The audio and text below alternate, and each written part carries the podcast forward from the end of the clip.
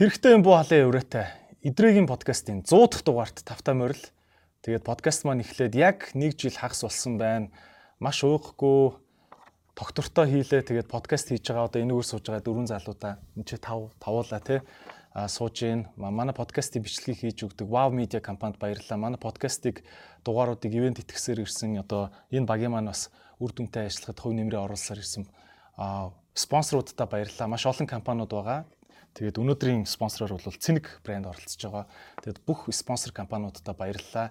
Өмнө нь орж исэн зочдтой баярлалаа. Хамгийн хамгийн гол нь манай подкастыг сонсож үзэж байгаа үзэгч сонсогч та бүхэндээ маш их баярлалаа. Ингээд ёслол төгөлдөр 100 дахь дугаараа бид бүхэн ийхүү хамтдаа тэмдэглэн хүргэж байна. Тэгээд өнөөдрийн зочноор гандава өгөхтэй тулга орж байгаа. За тулга маань бол Colpro компани үүсгэн байгуулагч CEO тэгээд харилцаа холбооны салбарын ер нь бол акул гэж хэлж болно тий харилцаа холбооны салбарт 10 гаруй жил тууштай ажиллаж байгаа мөн IT-ийн мэрэгчлэн IT IT-ийн инженер хүн байгаа. За тэгээд өнөөдөр бид бүхэн технологийн салбар харилцаа холбооны салбар ер нь бол дэлхийн ирээдүйн талаар ярилцах болно. Зөвхөн технологи гэхээр одоо юм IT код ярина гэсэн үг бол биш. Бид бүхний амьдрал яаж одоо өөрчлөгдөж байгаа бизнес модельүүд яаж гоё хувирж байгаа энэ талаар ярилцах болно. За тэгээд тулга маань бол миний одоо багын найз те багын бүр нэг байрны найз байгаа. Бид хоёр одоо цэцэрлэгт орохоос өмнө найзууд байсан. За тийм учраас бас ийм хүндэт эрхэм найзтайгаа бас өнөөдөр ингээ ярьцлага хийгээ сууж байгаа маань бас миний хувьд нэр төрийн хэрэг байна. Тэгээ та бүхэн 100 дахь дугаарыг маань шимтэн үзээрэй. Тэгээд энэ дугаарыг заавал шеэрлж одоо манай подкастын хамт олныг урамшуулаарай гэж та бүхнээсээ хүсэх байна.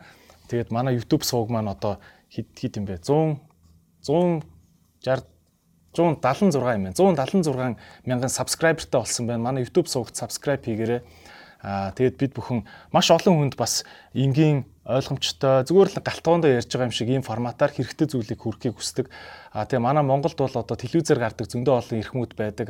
А мөн одоо нуугдсан эрдэн шиг хүмүүс бол байдаг те. Нэх их олонний нүдэнд гараад байдаггүй. Тэгээд ийм хүмүүсийн бас хийж бүтээж байгаа зүйлээс мэдлэгээс та бүхэнд хуваалцахыг хүсдэг. Одоо ийм чухал зорилготой хэрэгтэй л юмыг буу халсаар ирсэн подкаст байгаа. Тэгээд 100 дахь дугаар хүрсэн явж байгаад маш их баяртай байна. За тэгээд тулгаас өнөөдөр тэгээд тулга маань бас дөнгөж сая Америкаас ирсэн байгаа тий. Аа тэгээд явсан хүнээс үг сонс гэдэг. Би ч одоо хилийн дэс алхаагүй бараг одоо 2 жил болох гэж байна. Аа за тэгээд Америкээс сонь сайхан юу байна? Аа сая маш том конференцд оролцсон тий. Ер нь бараг технологийн нь гэж хэлж болохгүй. Конференцд оролцсон байгаа тий. Аа сонь сайхан юу байна? Ямар том том одоо шилжилт хөдөлгөөн мэдрэгдэж байна. За найздаа суудах дугаараа хийж чад баяр хүргэе. За баярлалаа. За сая Америкийн нэгдсэн улсын Сан Диего хотод а ерөнхийдөө B2B буюу байгууллагуудад зориулсан үйлчилгээг үзүүлдэг компаниудын энэ оны цугларалт маягийн конференц боллоо. Ерөнхийдөө 100000 компани захирлууд онлайнаар биетээр очиж ингээд цугласан. Тэнд 3000 орчим байгууллагын захирлууд VC-нүүд яг өөрсдөө очиж ийм арга хэмжээ 3 хоног боллоо. Тэгээ энд Colpro компани оролцоод ирлээ. Ерөнхийдөө бол 2 жил гарны дараа гадагшаа явах сайхан байна. Ялангуяа цахирынхаа өндөд очих их сайхан байлаа. Шүншиг шүншиг байлаа. Яг хоо ерөнхийдөө бүгд л дэлхийд даяараа ангад сангасан уулзахыг хүссэн мэдээллийн дутагталд орсон хүмүүс тэнд цуглж ерөнхийдөө ам хуурайг бол бие биентэйгээ мэдээлэлээ солилцож хаана ямар байгаа. Тэгээд нөө пандемик ерөнхийдөө энэ B2B бизнесийн салбарт хэр нөлөө үзүүлв. Тэгээ cloud бизнесүүд ч сая B2B пандемикийн үеэр бүр хэдэн зуун дахин өсчлөө шүү дээ. Тэгээ энэ өсөлтийг бүгд яаж хийв гэдгээ туршлагаа солилцох байдалтай уулзалт боллоо. Тэгээд ерөнхийдөө өмнөх пандемикаас өмнөх байсан ертөнц бол одоо байхгүй.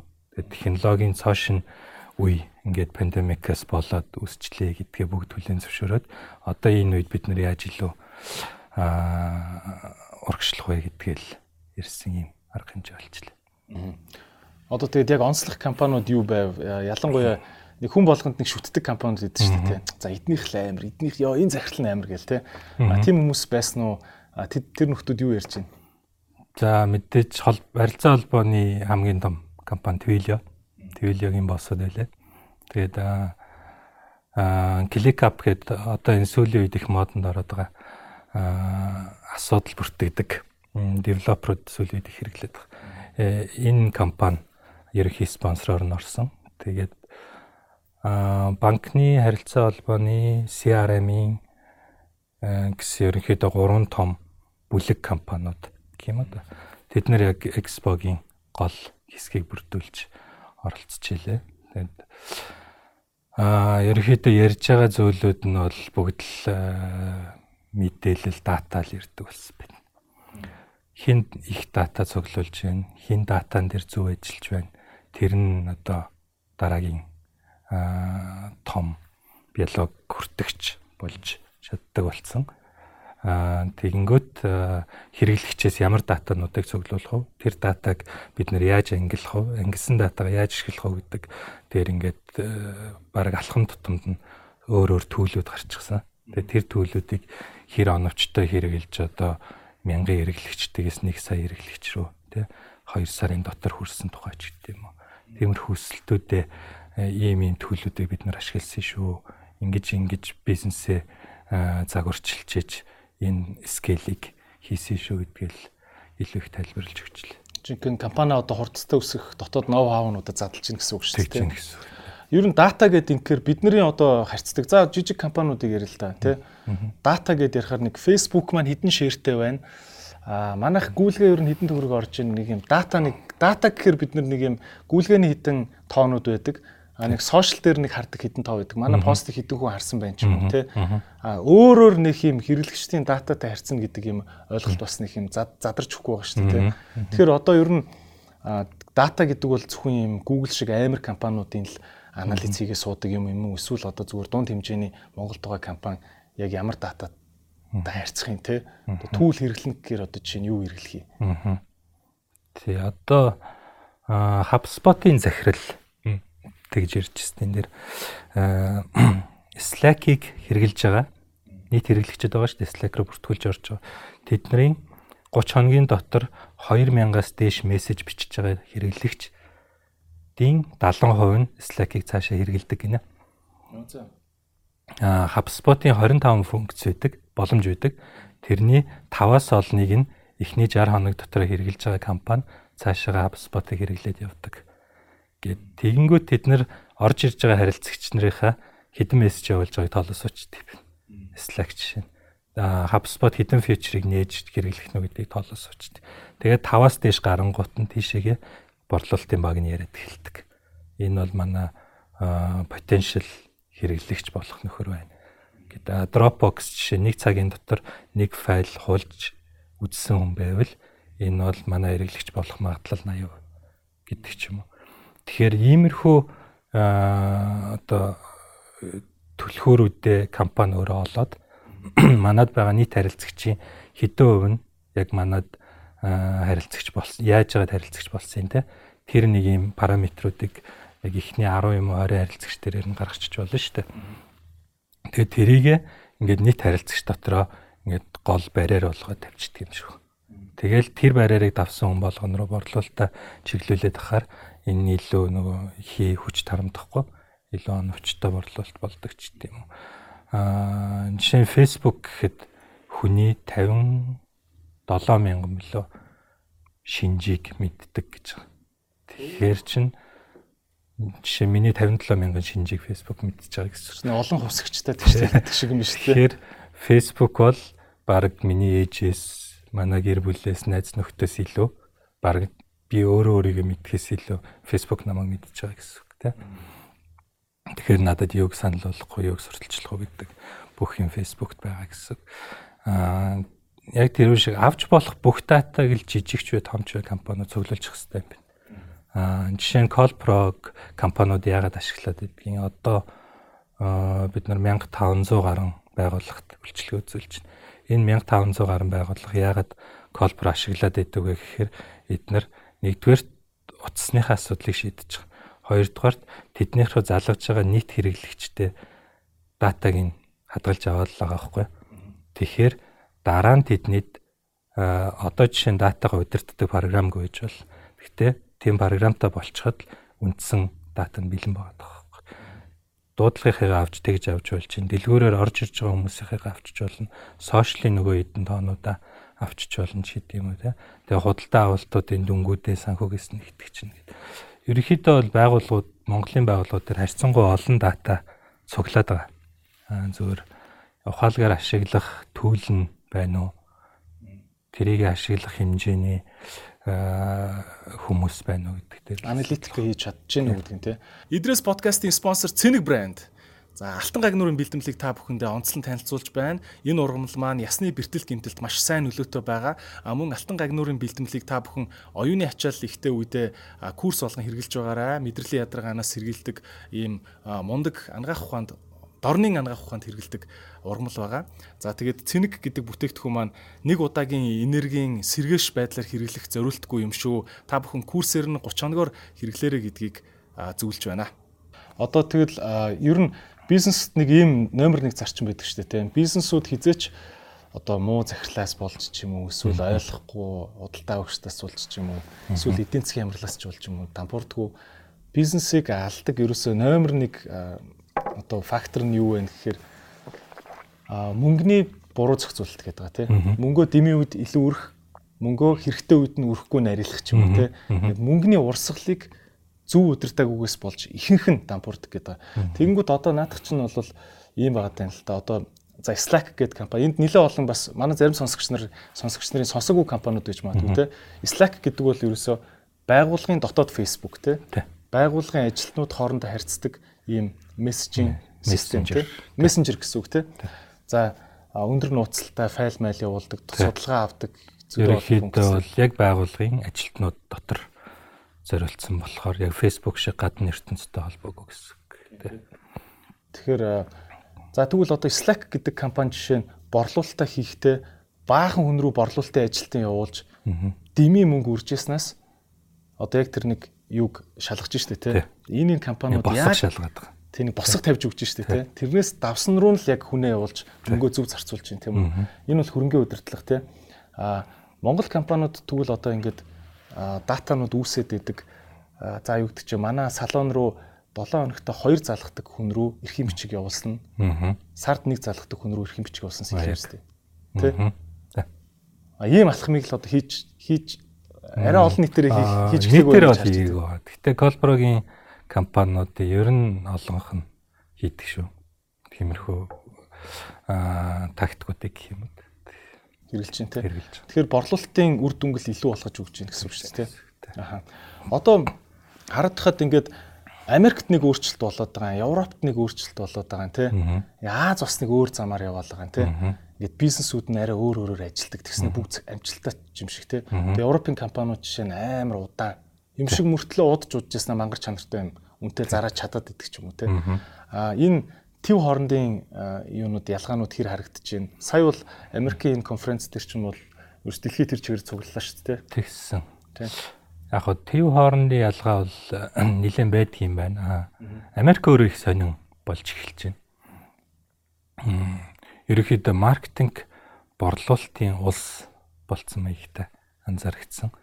Тэгээд нөө Азууд руу, Энтекүүд рүү нэлээх ажиллах хүчээ өгөөд тэн Америктэй илүү шин санаа гаргах хөрөнгө оруулалт тэгээд тэрнийхээ борлуулалт маркетинг гэдэг талаас нь ажиллаад хөгжүүлэлтийн ихэнх ажлуудыг би Аз тэгдэд байгаа болоо гэж харсан.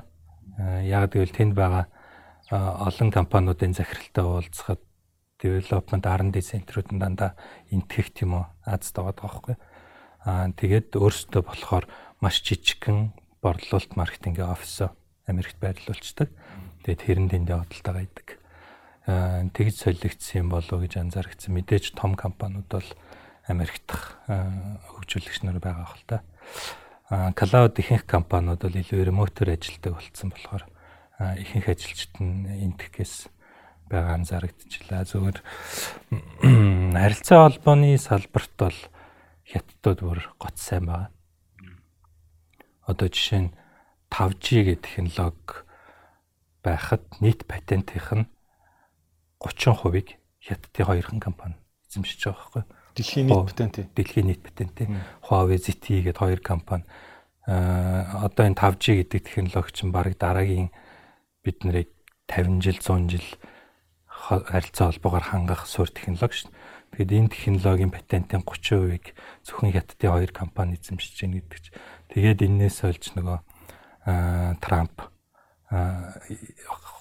Хуваагийн санхүүгийн санхүү эрхлэн захирал Хуваагийн захирлын охин Хуваагийнхаа санхүүгийн захирал хийдэг эмэгтэй Канадад байхад нь баривчлуулдаг. 2 3 жил бол. Тэгээ 2 3 жил тийм. Сайн суллагч чинь тий. Тэгээд иймэрхүү иймэрхүү асуудлууд болж байгаа. Тэгээд эндээс харахад бол хятад бол яалтчгүй харилцаа холбооны салбарт бүр хамгийн том тоглогч болсон юм бэл.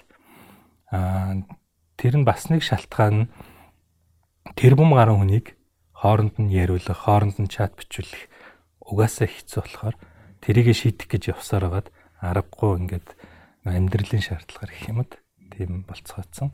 Аа Европ бол би харьцангуй security чиглэлийн компаниудаараа маш сайн гэж бодож байгаа. Тэгээд тэр чиглэлийн индастри бол тэнд маш сайн өгдсөн юм байл.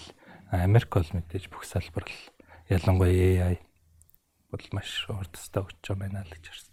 Европод нөгөө суур шинжлэх ухааны институтсүүд сайтай л та тийм математик одоо яг нөгөө судалгааны институтсүүд сайтай учраас тэндээс их security мэрэгчлэнүүд төрдөг юм шиг байна тийм.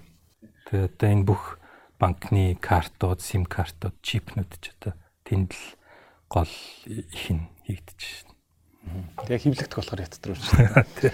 Юу а одоо ингээл за 2G гэж байсан зарим хүмүүс санахчгүй байх те. Ингээл 3G гээл 4G-тэй боллоо гээл зарим газар 4G хасгаар интернет арай хурдан байдгийг мэдж байгаа. Гэхдээ хүмүүсийн одоо яг хуу зарим хүмүүс ойлгохгүй ч магадгүй те одоо гэдэг чинь аа 4G тэгэл дараагийнх мэдээж 5G л гарна шүү дээ юм сүртэй юм те. Энд чинь ингээл G нэмэгдэхээр ингээл гоё улам хурдан интернет л гэсэн үг шүү дээ. Нэг тийм дараагийн 50 жилийг тодорхойлох технологи тэднийх юм патенцад ах юм юу гэдэг ингэж бас бодож магадгүй те. Тэгвэл одоо энэ 4G-гээс энэ 5G руу шилжих гээл ингээл хэдэн жилэл мэдээгээр яана 5G гээл ингээл ярьж шүү дээ те. Би тийм амар гээл. Тийм амар юм нь юунд байгаа юм бэ? Яг хоо 5G бол хов хэрэглэгчдэд интернетийн сайхан хурд тэг өөр юм баг мэддэхгүй. Аа гол онцлог бол юу баг юмсын интернет байна. Юмсын интернет гэдэг нь одоо байгаа бүх машинууд ухаалаг болоод эхлэхэд эднэр юугаар төв серверүүдтэйгээ холбогдож мэдээлэл хамжуулах вэ гэдэг асуудал. Энэ олон герт байгаа ухаалаг төхөөрөмжүүд, энэ үйлдвэрт байгаа том том машинууд ухаалаг болоод ирэхин цагт эднэр ямар нэгэн холбоогоор төв рүүгээ нөгөө мэдээлэл дамжуулах хэрэгтэй шүү дээ. Тэгэхээр эн чинь өмнө нь 4G-ийн хувьд бид нэр э, за нэг 7 тэрбум хүнийг гар утстай болгох тухай асуудал ирж исэн бол одоо нэг хүн дээр за жишээ нэг 5 юм за 5 device гэж тооцъё те нэг хүн 5 device байдаг гэж тооцъё. За гэрийнх нь хөшиг нэг симтэй. Тэг нэг симтэй гар утстай нэг таблеттай нэг машинтай те. Тэгээд тооцоход 35 тэрбум төхөөрөмж болж штэ. Тэ. Тэгэхээр 35 тэрбум төхөөрөмж ямар ч гацалтгүйгээр хоорондоо мэдээлэл солилцох ямар боломж байх вэ гэдэг асуудал баггүй. Аа тэгээд урталт байгаа машин тоормцлоход ард байгаа дагаж явж байгаа ухаалаг машин байгаа шүү дээ. Тэр чинь уртлын нөхрийг тоормцлоо гэдгийг мэдээд зогсох хэрэгтэй шүү дээ. Тэгээ энэ мэдээллүүд ер нь хаагур дамжиж явах юм ч гэх юм уу те. Энэ мэдээлэл тэр уртлын машинаас гараад станц руу очиод буцаад ард нь явж байгаа машинд ирэхийн тулд хэдэн миллисекундээс бага наривчлалтай байх хэрэгтэй юм те. Энэ чинь 5 секундын дараа урдч машин байна гэж хэлвэл сүрэл болно шүү. Тэгээ энд яг стандартаар бол 5G-ийн стандартаар 1 миллисекунд тэн дотор хоцрогдлыг зөвшөөрж байгаа. Секундыг 1000 хаваасны нэг. Хүн мэдрэхгүй гэсэн. Хүн мэдрэхгүй гэсэн. Тэгээд хэдэн зуун мянган девайсыг нэг дор нэг станцаас өдөртөх боломжтой ч гэдэг. Тэгэхээр энэ илүү хов үндэхээс илүү дараагийн нөгөө үйлдвэржилт технологийн хувьсгал юмд хамаагүй аа суур гэх юм уу да ийм ойлголт хэлчихэж байгаа. Аа тэгээд 6G бас яригдаад эхэлсэн. 2030 онд 6G commercial болно. Үйлчилгээнд нэвтрэнэ. Аа 6G-ийн нийт одоо apply хийгдсэн байгаа авахар хүссэн байгаа патентуудын 60% нөлөө хятадууд байна. Тэгэхээр чин 6G чинь юу секундэд 1 терабайт мэдээлэл дамжуулах гэдэг минимум шаардлагатай. Тэгэхээр тим хэмжээний сүлжээг хятадууд одоо жижиг орчинд гэх юм уу туршаад болгоцсон байгаа юм билгүй одоо патентууд apply хийж байгаа гэхээр. Тэгэхээр ерөөсөө л хамгийн богино хугацаанд хамгийн олон төхөөрөмжнөөс хамгийн их агууламжтай мэдээллийг дамжуулдаг. Энэ чадамж энэ чадамж чинь л тэр одоо G4, G5G гэдэг байгаа юм шүү дээ тий. А гэхдээ манайд бол ингээ гар утсан дээр Facebook-ийг хэрэглэхэд бол зүгээр а жоохон уртан болцсон байлаа гэл өнгөрөх юм шүү дээ тий. А ер нь за одоо ингээ Америкт айлуудаар явж байхдаа ялангуяа энэ Amazon худалдаа тавцсан чи ямар компани блэ нэг бүрхий юм хан дээр тавьдаг болчиход байгаа шүү дээ. Одоо маа Монголд бол ингэдэг шүү дээ. Сөөхөөс ингээд хаалган дээр бичиг наагаад иш жошкныхаа тоог хараад өгөөч. Тэгэд энэ гар утас руу мессеж явуулахгүй бол тоог чинь таслана шүү гэдэг шүү дээ. А одоо бол тэр исчошк чинь өөрөө дотроо SIM карттай нөгөө 5G-гээрээ ингээд шууд одоо цахилгаан түгээх компани руу манай тогны мэдээллийг пам пам пам шилжиждэг боломжтой тийм. Тэ? А тийм бид нар гэртээ нөгөөх нэг гэрийнхэн температур, гэрийнхэн хүчил төрөгчийн хэмжээ тэ. А одоо юу гэдэг бүх мэдээллүүдийг утас руугаа байнга гэж авч явж байна тийм. Угаалгын машин хөргөгч, зурагт тэ гэртээ бүх цахилгаан бараанууд ер нь бол холбогдно л гэсэн үг. Маа тулгын гэр чинь бас их тулга захирлын гэр чинь их автоматчсан гэр те. Таад одоо яг юу юу ч автоматчсан байна. Технологийн айлууд ч их ондоо шүү дээ. Нэг нэг 20 20 орчим сенсор л байх шүү дээ. Таны гэрэл төр. Тийм гэрэл унтраалгууд, арцитгууд, хөдөлгөөн мэдрэгчүүд, температур мэдрэгчүүд. Тэгээд Аа тэгээ ер нь тиймэрхүү юмнууд байгаа да. Чи чинь гэрээсээ ингээд яагаад гэдэг үстэй баг хүүхдээ биш ажилласаа хүүхдийнхээ өрөөний гэрэл мэрлэг унтраад цацаад гэдэг үстэй баг тий. Аа одоо л энэ технологи өөрөө нөгөө юугаар явж байгаа. Аа Wi-Fi-аар явж байгаа гэх юм да тий. Аа тухайн гэрт байгаа төхөөрөмжүүд манай гэрээ Wi-Fi-аар холбогдоод аа миний утсан дээр мэдээлэл нарагч байгаа гэсэн. Аа тэгтэл гэрийн Wi-Fi тасарчих юм бол тэр шин бүр ямар ч холболтгүй болчихж байгаа байхгүй 5G-ийн орсны дараа юу болох вэ гэхээр тэр төхөөрөмж болго өөрийн SIM карттай болоод тэгэхээр өөрөө өөрсдөө ажиллаад эхэлнэ гэсэн. Тэгэхээр хэрвээ цусланд ч юм уу өөр газар бол заавал Wi-Fi асах шаардлагагүйгээр зүгээр төхөөрөмжүүдэд байрлуулаад болчихно. Тэгэл тэр чинь уулан дээр антен багт тэгэл асуудалгүй тийм. Одоо нөгөө яадаг штэ лагерийнхаа байшингийн түлхүүрийг өгөөч гэхэл бол болох юм биш штэ тийм. Оо чи очичороо гингүүд эндээс нь би онгол өгч чинь тийм. Тийм ирээдүй бол өшөө бол нэг ирээдүйсээ тахаа болчлоо л та тийм. Ирээдүй биш болчлоо. Одоо нэг 5 жилийн дотор гэхэд баг бид нарын ердөө ирэглээ болох. Аа түрүүн ярьжсэн Twilio гэдэг компани талаар бас би жоохон сонсогч нартай тодруулах юмрын л та тийм. Twilio гэдэг компани аа болвол одоо харилцаа холбоо IT хоёрыг холбосон яг голынх нь энэ зөвүүн компани байгаа тийм гайхамшигт. Гайхамшигт компани те. Twilio компани офсороос тулгай дээр хэдэн онд юм бэ? 13 онд ч юм уу орчихсон санаж байна. Аа Twilio-гийн нөхдүүд юу ярьж байна? Энэ Twilio гэдэг компани талаар жоох мэдээлэл өгч би. Энэ их сонирхолтой компани гэж би онцч хэлмээр байна л да. Тийм, Twilio бол ерөөхдөө намаг их сургууль төгсөөд тэгээд программистаар төгсөөд ажиллаж хахад биш зөвхөн нөгөө веб мэп хийдэг те. Тэгээ бас Монголын хамгийн анхны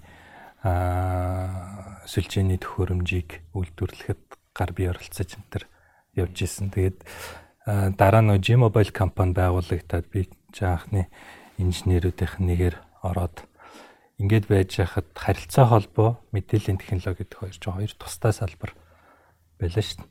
Харилцаа холбоо гэдэг бол зөвхөн холбооны салбар юм а гэдэг. Тэнд бол нэг их мэдээллийн технологи шаарддаг. Тэгэд байжгаад юм хөгжөөд ингээд IT нэлийн хөгжсөний дараа энэ хоёр чинь нийлээд байгаа. Тэгээд ерөнхийдөө утсаар ярина гэдэг зөвхөн утсаар ярих биш юм байна. Тэр цаана дата цуглуулах маш олон юм байна. Тэ мессеж бичнэ гэдэг зөвхөн нэг текстийг шийдээд болчдөг юм байна гэдэг юм уу. Ингээд яваад исэн чинь тэрийг Америкт бас нэг компани Twilio гэдэг компани дөнгөж эхлэхдээ зөвхөн энэ нэг утасны асуудлыг шийдэж гэдэг юм уу? SMS-ийг шийдийгээд verification SMS тийм verification маягийн нэг тиймэрхүү жижигхэн юмнууд хийж явж байгаад тэд нар анзаарсан байгаа. Ерөнхийдөө бол IT-ийн хүмүүс холбоог харилцаа холбоог ойлгодгүй юм байна. Харилцаа холбооныхаа IT-г ойлгодог юм байна. Аа тэгээд бизнесийн байгууллагууд энэ хоёрыг хоёуланг нь ойлгодог юм байна. Тэгэхээр ерөнхийдөө дунд нь нэг юм юм байх хэрэгтэй болчлоо гингүүтээ нөхдөөд харилцаа холбооны хамгийн хэцүү хэсгүүдийг өөрсдөө аваад нөгөө талдаа программистуудад зориулсан маш амархан API-уудыг бичиж эхэлсэн. Тэгээд та нар харилцаа холбоонд жишээ нь дуудлага хиймээр байвал, мессеж бичмээр байвал зөвхөн ийм ийм гэдэг нөгөө программистуудад ойлгогддог хэлээр нь харилцаа холбоо хөрвүүлээд эхэлсэн. Тэгээ одоо эдгээр чинь IPO хийгээд Америкийн маш том компани болчлоо л да. Одоо бол Twilio-гоор баг Америкийн стартапуудыг төсөөлөх аргагүй болсон Uber-ийн бүх мессежүүд, ярианууд ч гэдэг юм уу те. Америкт болж байгаа баг бүх л стартап компаниудын яриа мессежнүүд тэр компаниар. Одоо ямар л төрлийн аппликейшн байна? Тэр дотор verification message ирдэг, нөгөөх рүүгээ мессеж явуулдаг. Тийм дугаараа нууж залгадаг. Ямар нэгэн харилцаа холбоотой юм функц байгаа л бол тэрний арталт твил мөнгө авч идэг тий. Солиотой бизнес тий. Амжигт. Твилөө тэгээд ер нь гадны хувцас авъя гэж бодож байгаа хүмүүст би яг би энэ санал болгоогүй шүү ер нь бол Твилөөг сонирхоод үзээрэй те. Супер компани. Тэгэхэд ер нь ер нь одоо Твилөөгийн жишээнээс харж байхад одоо шинээр ямар бизнес хийх вэ гэж боддог залуучууд одоо дандаа нэг нэг салбарыг барьж авч байгаа харагддаг л та. Одоо өгдөг чинь зөвхөн хүнсийн салбарыг аваад хүнсэн дээр найз нь юу өгөх вэ гэл ингээ асуудаг те. Би бол Твилөөг амар жишээ болгож ярмаар санагддаг байхгүй нэг салбар бити барай. Энэ салбар нөгөө салбартайгаа яаж уйл уйлдахад ямар асуудал үүсээд байна вэ? Ийм хоёр салбарыг холбосон бизнесүүд одоо цэцгэлнэ тий? Одоо тэглэлд өмнө ч IT гэдэг чинь дангаараа нэг бизнес байж байгаа тий? Нэг веб хийн гэдэг чинь бизнес байлаа шүү дээ нэг хэсэг. Тэгээд аа за тэр үеийн өнгөрсний дараа одоо болохоор жишээ нь банк руу IT орж ирээд финтек гэдэг нэг салбар тий эрүүл мэнд рүү IT орж ирээд медтек гэдэг нэг салбарч тийм ингээд салбар салбарын үүсэж байгаа асуудлыг IT-гаар шийдээд тэрийг одоо тек шинтек салбаруудыг үүсгэхэд байна л да. Тэгэд энэ салбарууд маань өөрөө ерөөхдөө бол одоо ханж ах шиг байна те. Тухайн салбар болгонд нэг нэг том том тоглогч нар гараад эхэлчлээ. Одоо эднэр хоорондоо яаж синержи хийх вэ гэдэг бас нэг том асуудал гарч эхэлж байна. Тэгэхээр тийм хоёр салбарыг хооронд нь уулзуулдаг. Тийм тийм. Технологиуд. Эрүүл мэндийн салбар яаж боловсролын салбартаа уялдах юм? Жишээ нь тийм. Энэ дунд нэг дундын салбар байж л байгаа байхгүй тийм. Надад тэр 23 анд мигээд Google-ийн босс ихнэр үсгэн байгуулсан. Дэн шүлсээр хүний юг тодорхойлдог. ДНК-г тодорхойлдог тэр Тэд нар бол э, бас яг тийм хийсэн байгаа байхгүй. Хүн хүний шүлсийг аваад ДНК-г нь ялгаж аваад тэгээд э, суперкомпьютерт оруулаад ингээд тайлан гаргаад өгчөж байгаа. Тэгэнгүүтээ тэр тайлан дотор юу бичиж чинь гэхээр та ийм ийм юм хүн байна. Тэдэн хувь чинь э, одоо Монгол гаралтай юм байна. Тэдэн хувь чинь ийм гаралтай байна гэл ингээд гаргаж байгаа шүү дээ. Аа дээрэс нь танд ийм ийм юунууд байна. Генүүд байна. Тэгэхээр та боловсролын хувьд ингэж ингэж анхаараа гэд гээд өөр боловсролын салбарын контентуудыг санал болгочихж байгаа байхгүй. Тэгэхээр чи ингээд шал хамаагүй ДНК-гийн аппликейшн мөртлөө 2 3 салбарын мэдээллүүдийг хоол хүнсийг санал болгож байна. Тэгэхээр тиймэрхүү байдлаар бизнесийг хийвэл илүү өгөөжтэй юм байна л гэж харагдсан. Тийм ээ тий. Тэнгүүтээ яг нэг хүний хийж чаддгүй одоо ДНК-г анализ хийнэ гэдэг чинь хэр баргийн гаруудыг хийж чаддгүй зүйл шүү дээ. Харин хүнс зарах бол ер нь хүн болгоны л чаддаг зүйл те. Тэнгүүт чаддгүй зүйлээс нь эхлэнгүүтээ чаддаг зүйлтэйг очиж байгаа хөх те. Тэ. Уг нь цаанаа бол зүгээр хоол зараад байгаа шүү дээ. Зараад байгаа шүү дээ. Тэ. Тэг өрсөлдөх чадамжийг бас тэгж бүтээж ин л та те. Илүү югаар. А за ер нь одоо ингээд сая саяны конференцд бас оролцоод ирсэн Састер гээд ер нь бол дөргөөдөг л доо те. Дөргөөдөг манаг юм байлээ. Технологийн Давос гэж би бол хувьдаа боддог. А тэн дээр өөр одоо захирлууд нэг нэг онцлог юмнууд гой гой юмнууд ярьдэн шүү дээ тий. А өөр ямар гой юмнууд ярьж гин а одоо ер нь дараа нь явах гэдэг нэг юм асуулт байнг байдаг шүү дээ. Залуучууд тий. Одоо ингээл Facebook ч н одоо шал өөр болох юм шүү ингээл дандаа л нэг ингээл доошо гүйлгээл хардаг юм байгаад одоо залхачлаа зүгээр одоо ингээд нүдний шил зүүмөр юм ч гэдэг юм уу тий. Тиймхүү дараагийн салхи яаж мэдрэгдэж байна? B2B ивент байсан болохоор илүү байгууллага зориулсан үйлчилгээнүүд л хэрэгцсэн л та. Гэхдээ ер нь бол аа Америк компаниуд юу л анзаарагдлаа тэндээс. Маш тийм хэрэглэгчт нь боловсралтай болцсон учраас ер нь борлуулалтын баг гэхээ болоод продакт нь өөрөө өөрийгөө борлуулад яваад иддэг моделийг нэлээх дэмжиж байгаа юм байна. Тэгээд тэр чиглэл рүү нэлээх ажиллаж байгаа юм. Тэр нь яадаг вэ гэхээр зөвхөн аппликейшнаараа юм уу вебээрээ а тухайн хэрэглэгч өөрийн багцаа сонгоод ороод үйлчлэгийг авчиж. Тэгэд энийг яаж хэрэглэгчдэд хялбар байлгах вэ гэдгийг л бүгд ярьдаг болчих. Тэгэхээр ер нь борлуулалтын баг гэж араас нь хөөцөлдөхгүй product lead growth гэдэг. Тэгээд тэр нь product нь өөрөө өөрийгөө юу яадаг зарах энэ аргыг нэлээх ярьдаг болсон байна. Тэгээ гол асуудал юу вэ гэхээр өмнөх гэх юм уу одоо бидний ч гэдэм үү яваад байгаа модельээр болохоор технологийн компани байгууллаа гэд бодсон чинь нийт зардлын 70% нь борлуулалт маркетингтэй явждаг. Аа тэгээ зөвхөн 20% ч гэдэм үү технологидо зарцуулагдаад идэг. Энэ нь өөрөө технологийн компанид байж болохгүй зүйлээ гэж нөхдүүд шийдээд энэ хоёрыг солих чиглэл рүү ажиллаж байгаа юм. Уг нь хамаг мөнгөнд технологи хөгжүүлж явах хэрэгтэй байтал тий нөгөөхөө ойлгуулах, нөгөөхөө зарах асуудал төр яваад байна. Тэгэхээр ойлгуулахыг зүгээр продакт нь өөрөө хийх хэрэгтэй гэдэг концепц явж байгаа. Одоо одоо товчноор ярих юм бол юу гэдэг апа нээлээ энэ энэ нь өөрөө өөрийгөө хүнээ ингээд хөтлөөд явах чадамжтай л байх хэрэгтэй гэсэн үг шүү дээ тий. А манайх болохоор энийгээ сайн боловсруулж чадахгүй юм авч тавьчаа зав би ууслаар манайхан гэлчтэй тий. Ер нь яг дэлхий дэлхийн тий Америкс бусдууд гэх юм уу тий. Бүтээгдэхүүнийх бүтээгдэхүүн өөрөө өөрийгөө зарах чадамжтай байна уугүй юу гэдэгт төр сайн анхаарахгүйгээр араас нь бахан борлуулалтын зардал гаргаад шатаад байна л гэдэг ойлголт шүү дээ зөв маркеттай таарахгүй продакт хийчихэд. Тэгээ тэрийг хүнээр оочж хүчээр заруулад. Тэгээд тэр нь урт хугацаанд ч явахгүй. Аа дээрэс нь нөгөө компанидаач маш их зардалтай. Тийм шийдэл болж явж ичээ гэдгийг нөхдөд зөвшөөрч ах шиг үлээ. Одоо яг нөгөө Dropbox-ын жишээнүүд байдаг шүү дээ. Яг байдаг шүү. Dropbox-ын жишээ байдаг шүү дээ, тий. Аа referral гэдэг юмыг хамгийн анх чинь классик болгосон компани чинь Dropbox шүү дээ, тий нэг найзаа 2 гига өгдөг байлгүй. Тэг нэг найзаагаа оруулаад тэр шууд 2 гигабайт өгнө. Тэн дээр бас ярьжсэн санаанд орж ин л доо. 2 гигабайтыг хүнд өгж байгаа нэг бодлын компаниас илүү зардал гаргаад байгаа юм шиг боловч. Тэр хүнийг шууд өөрийнхөө борлуулалтын ажилтан болгож хувиргаж байгаа байхгүй тий. Нэг ёсондоо харуул. Яг тэр аргыг хэрэгжилж л. Ер нь ихэнх нь. Тий. Энэ мэт энэ бол зүгээр нэг жишээ шүү дээ тий. Тэгээ өөр одоо яаж бүтээгдэхүүн өөр өөргөө зарах уу тий. Энэ талаар бас их бодмоор л хэрэгтэй байна. За аа одоо хэрэгцээ талаасаа бас ярьж болно. Компаниуд ингээд нэг талаасаа хөгжиж болно тий. Хэрэглэгч нарын бас хэрэгцээ өөрчлөгдөд байдаг. Одоо юу ч үгүй Монголд бол гів гинтгэн л бүгдээрээ ингээл кофе авдаг болчихлоо шүү дээ. Хэрэгцээ нь өөрчлөгдөв. Бүгд гів гинтгэн хизээч ингээд суугаад 30 минут хоол хүлээхэ болчихлоо шүү дээ. Бол тий.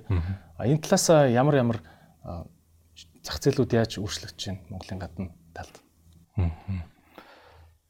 Ерөнхийдөө ковидос болоод тэгснөө аппликейшнуудаар маш их зүйлийг хийдэг болсон байна.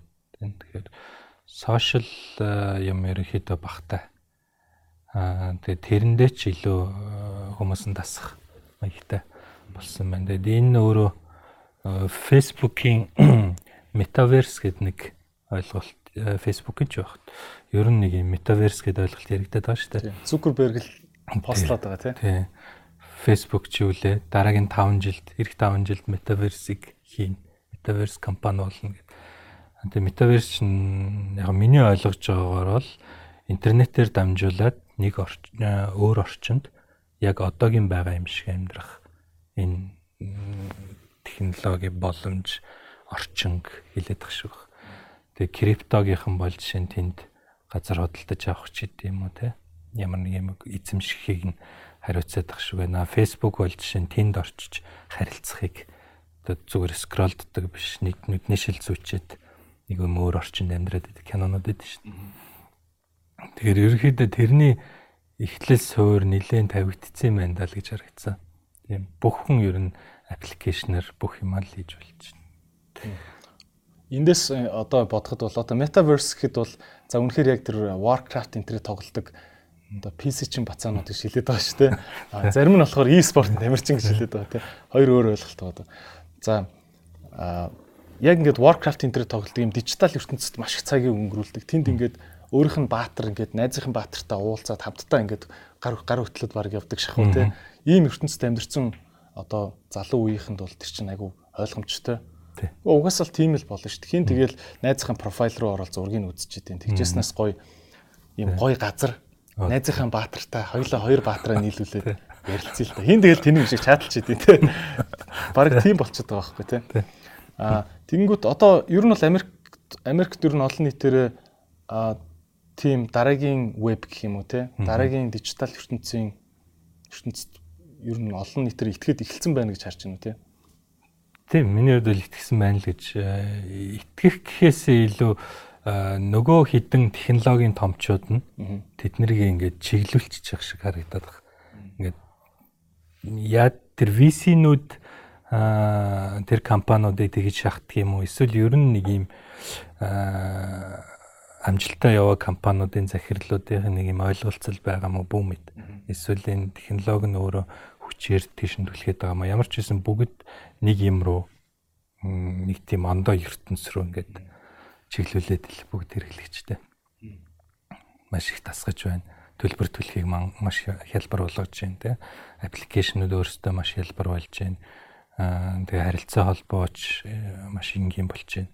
Тэгээ бүгд нэг аппликейшн дотор ингээд яваад эхлэхээр хүн ерөөсөө юм битээр тэрийг хийх гэх юм уу та. Тийм мэдрэмж байхгүй бол эхэлчихлээ. Тэрийг аль болох мартуулаа зөвхөн утасны санаас хийдэг мэдрэмжийг л их сайн өгдөг болчихлоо. Тэгэл одоо тим юм руу одоо хэдүүлээ дагаал ордог бах та тий. Ордог л бах та. Тий. За харилцаа холбооны салбар дээр тэгвэл одоо ер нь бол нийтээр бол технологийн салбар юм байт юм байж харилцаа холбооны салбар дээр одоо бидний мэддэг яг оператор компани гэж ярьдаг шүү дээ. Үүрэн телефоны оператор компани гэж ярьдаг шүү дээ. Тэгэхээр бүгдээр л нэг юм 99 80 гэл ин дугааруудтай тий. Аа энэ ойлголт бас их өөрчлөгдөд байна тий. Харилцаа холбооны салбарт их өөр төрлийн амьтад гарч ирээд шүү дээ. Одоо жишээ нь Ryan Reynolds гэл одоо Deadpool юуны од тий. Marvel-ийн од Mint Mobile. Mint Mobile гэл тэр одоо ямар учиртай компани тий энэ бидний мэддэг үүрэн харилцаа холбооны компани гэдэг юм чинь бас шал өөр болоод байна тий харагдах. Тэгээ яг Монголд бол тусгай зөвшөөрлөөр өөрөн оператор суур операторын хоёр лиценз олгогдож байгаа. Тэгээд Колпро компанины одоо хөрөнгө оруулалтаа гэх юм уу хамтарсан гэх юм уу онлайн нэтворк гэдэг компани байгаа. Тэр бас суурин оператор компани лицензтэй. Аа гэхдээ ерөнхийдөө бол Монголд ингэж хоёр байгаад байгаа бол дэлхий дээр маш олон янзаар оператор компани төрлөд байна л да. Зөвхөн аа виртуал оператор гэдэг нэг ойлголт байгаа. Тэр зөвхөн өөрийн брендийг бусдын сүлжээгээр явуулчих гэсэн. Тэгэхээр тэр компанид өөр ингэсэн сүлжээ байхгүй. Антим байхгүй. Дэд бүтэц байхгүй гэсэн. Тэгээд аа маш гоё брэндтэй. Mint Mobile бол тэрний нэг жишээ гэсэн. Маш гоё брэндтэй. Тэгээд цаатлын нөгөө антента компаниас аа одоо том хэмжээгээр нэг юм бөөний үнээр гэх юм уу та юм худалдаад авчдаг. Тэрийг жижиглэнгээр борлуулж байгаа. Энэ модель. Энэ бол Европ, Америк за ер нь дэлхийн ихэнх орнууд маш өргөн хэрэглэгдэж байгаа. Монголд ер нь ойрын хугацаанд хийгдэх байхаа л гэж найдаж байна. Идрээс подкастын спонсор Цэник брэнд. За алтан гагнуурын бэлтгэлийг та бүхэндээ онцлон танилцуулж байна. Энэ ургамал маань ясны бэртэл гэмтэлд маш сайн нөлөөтэй байгаа. А мөн алтан гагнуурын бэлтгэлийг та бүхэн оюуны ачаал ихтэй үедээ курс болгон хэрэгжилж байгаарай. Мэдрэлийн ядаргаанаас сэргийлдэг ийм мундаг ангаах ухаанд дорнын ангаах ухаанд хэрэгэлдэг ургамал байгаа. За тэгээд цэник гэдэг бүтээгдэхүүн маань нэг удаагийн энергийн сэргээш байдлаар хэрэглэх зориултгүй юм шүү. Та бүхэн курсээр нь 30 хоногоор хэрэглээрэй гэдгийг зөвлөж байна. За Mint Mobile гэдэг энэ бол зүгээр нэг жишээ шүү дээ тийм. Яг юм virtual operator гэдэг ингэ чинь энэний цаатлын хамгийн гол одоо гол ойлголт нь а миний ойлгож байгаагаар нэг компани ингээд бөө эдийн засагтаа зардал болоод бөөн гаднаас антин тоног төхөөрөмж тэ одоо нэг антин босох гэд ямар үнэтэй байдیں۔ тэ ингээ улс даяар бөө антин зоодог. Тэнгүү дараагийн компани өрсөлдөгч нэгэ дахиад хажуугаар нь зоодог. Тэгжээт л 3 дахь 4 дахь компани бүгд антин зооно. Тэнгүүд ихний компаниудын антинууд нь хуучирдаг. Тэгээ дахиад шинжлэх гингүүт бөөн зардал. Яг эсэм дээр энэ их зардал явж явж явж 4 5 компани бүгд зэрэг зэрэг антин зоож улс даяараа зэрэгцэж сүлжээ нэвтрүүлж байгаа энэ зардал явж явж явж хэрэглэгчдийн карман дээр бууж байгаа шүү дээ. Өөр ханаас ч гарахгүй шүү дээ. А гэтэл энэ энэ одоо одоо хөгжсөн орнуудад яаж ийн гэхэнгүүт за чи антенна зоочих. Би гой брендингээ хийгээд энэ дээр нь ажиллаулъя. Тэгээ хоёр харахад хоёр өрсөлдөгч компани юм шиг дундаа нэг дэд бүтцээ хуваалцдаг. Тэгтээ яг шударгаар би эндээ мөнгө тохиролцоо өгж авалцаад болоод идэг те. А энэ модель нь яг ингээд нийт нийт ингээд улсыг ингээд холоос томоор харахад нийтдээ хэрэглэгч нар нь илүү хожоод байгаа л явж хожоод байгаа харагдаад байгаа л да те. Тийч. А энэ дэр манайх одоо тим шилжилтийг хийж чадах болов манад одоо салбарын мэдээж салбар ингээд хөгж маш сайн хөгжсөн салбар те. Гэхдээ бас нэг юм уг нь ингэсэн бол гэдэг юм бас байгаа шүү дээ те. Энэ тал дээр бодол ямар гэдэг вэ? Тэгээ ер нь бол яг хоёр л асуудал хүлээгдэж байгаа. Нэг нь тэр resource sharing буюу антинуудаа дид бүтцүүдэд ширлэх асуудал. Нөгөөх нь number portability буюу дугаарын шилж хөдөлгөн гэсэн энэ хоёр асуудал шийдэгдэх юм бол бид нар ерөөхдөө бусад олон улсын оператор компаниудын жишгт ерөөхдөө ортчихно гэсэн үг. А бусдаар бол манай оператор компаниуд үйлчлэгээнүүд бол маш сайн өндөр түвшинд явж байгаа. Тэр яалтчгүй одоо байгаа оператор компани болгон өөрийн станцаа зоодог, өөрийн дэд бүтцээ үүсгдэг энэ асуудал байсаар байгаа. Энэ бол маш том эдийн засгийн зардалтай зүйл байна л да. Тэгэд энийг оператор компаниуд маань хоорондоо ойлголцож шийдэх ёстой асуудал баха. Хуулийн хувь би хууль нь гарцсан гэж ойлгож байгаа. Тэгээд хэрэгжих нь л одоо шийдэгдэг байгаа юм болоо да. Гэтэ энэ бол одоо 4G дээр яг болж гин гэж бодоход 5G дээр чинь станцын тоо маань өөрөө бүр хит дахин их байх хэвээр. Тэгэхээр энэ дээр операторууд нийлхээс өөр аргагүй хаа. 5G рүү орохоос өмнө 5G рүү орохоос өмнө орох үедээ тэгэхгүй бол одоо жишээ нь Улаанбаатар хотыг бүтэн хамарсан 5G-ийн антенныг одоо байгаа 5 оператор компанитай 5 оператор компани бүгд үүсгэнэ гэх юм бол энэ маш том зардал бол тэгээд ч байр талбайч олдохгүй болов гэж бодож байна. Энэ олон операторын антен зоож явах өрөө тасалгаа тийм боломж байхгүй учраас ялтчгүй жам ёсны дагуу нийлэх бах л та. Дэлхий 5G-тэй болчлоо гэж бүгд өнгөрөөд байдаг. Манайх ганцаараа ингээл аа 4G-тэйгээ гацаад баймиргүй шүү дээ. Аа хил амаа олж чадах болов одоо энэ ингээд дугаар шилжих хөдөлгөөн явагдахаас өөр аргагүй болно те энэ бол дэлхийн угаасаа ялтчгүй жам гэж ойлгож болно те. Аа энэ дугаар юу юу юм бэ? Одоо жишээ нь за жишээ нь миний одоо хийдэж үдээ нэг дугаар байгаа шүү дээ, тийм гар утасны дугаар. Энэ яг энэ оператор компани юм ч юм уу? Хэрвээ минийх юм бол би энэ дугаараа аваад би энэ компаниас арай хямдхан одоо багц санал болгож байгаа. Би өөр компани руу шилжчихмээр шүү дээ, тийм. Энд яг болохгүй байгаа юм нь юунд байдیں۔ Тий, ер нь бол дугаар бол өөрөө Монгол улсын өмч.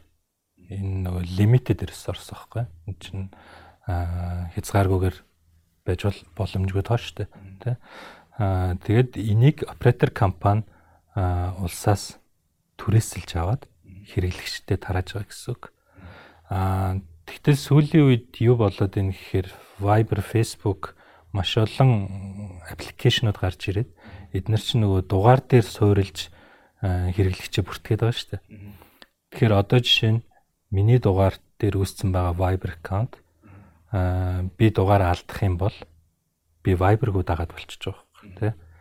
Тэгэхээр нэг өдөр жишээ нь оператор компани миний дугаарыг хурааж аваад тэр дугаарыг өөр газар өөр утсан дээр үсгэхэд миний Viber дээр биччихсэн, Facebook дээр биччихсэн, миний банкнод дээр байгаа бүх мэдээллүүд чи тийм үү те. Энэ бүгд ингээд зөвхөн тэр дугаард уягдчаад очиж байгаа байхгүй. Тэгэхээр энэ өөрөө хов хүнд байхаас өөр аргагүй зүйл болчихдог. Гэт маш том нууцлал өөрөө утасны дугаартай холбоотой болчихлоо л доо. Тэгэхээр энийг уул нь хууль нь нэлээд олон жилийн өмнө гарчихсан. Тэгээд оператор компаниуд дээр хийгдэхгүй байгаа гэж ойлгосон. Тэгээд энэ шилжилт хийгдэх юм бол а ялангуяа хов хүн өөрөө оператор компаниас дугаарыг авах биш улсаас дугаар авах гэсэн үг. Шууд тийм шууд. Газар авч байгаа юм шиг. Тэгээ газар авч байгаа юм шиг. Аа тэгээд тэр дугаарын хүчинтэй хугацаа гэдэг асуудал байхгүй болох болоо гэж би ойлгоод байгаа. Тийм тэр чинь тухайн хүний авцсан зүйл юм чинь те. Тэгээд зөвхөн ярианы эрхээ нээлэх нээлэхгүй гэдэг асуудал оператор компанитайгаа тохирдог нэг иймэрхүү л зарчмын өөрчлөлтүүд орох болов. Тэгээ ингэжээж одоо би тэр дугаарыг Viber-т өгөхдөө те аа надад аюул нөгөө баталгаажуулах 6 оронтой кодыг ч гэдэг юм уу энэ дугаараар руу явуулаарай гэхдээ энэ дугаар чи миний өмч гэдэгт итгэлтэй байна уу гэхээс биш а одоо маргааш ч юм уу миний дугаарыг оператор компани хураагаад авчих боломж байгаа дээ. Тэр чи миний өмч биш юм чинь. Тэнгүүт тэгээ ер нь бол одоо дэлхийн дэлхийн явсан одоо замл нь бол дугаар бол яг хувийн өөрөх нь өмч гэдгээр явд юм те. Өмч. Эсвэл энэ бол улсын өмч.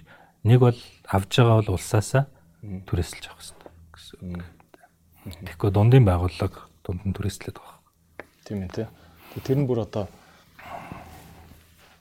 одоо дундын байгууллага тэр дугаарыг нь одоо иргэнд хэрэглэгчэд өгж байгаа учраас баг хэрэглэгч ямар ч сонголтгүй тэр дугаарыг э, одоо барьсныхаа төлөө ямар ч сонголтгүй худалдаа авалт бас хийж байгаа юм тийм. Тэгж байгаа гэсэн. Тэр компани үнэтэй бол тэгэл одоо уучлаарай үнэтэй багцаа аваад явна тийм.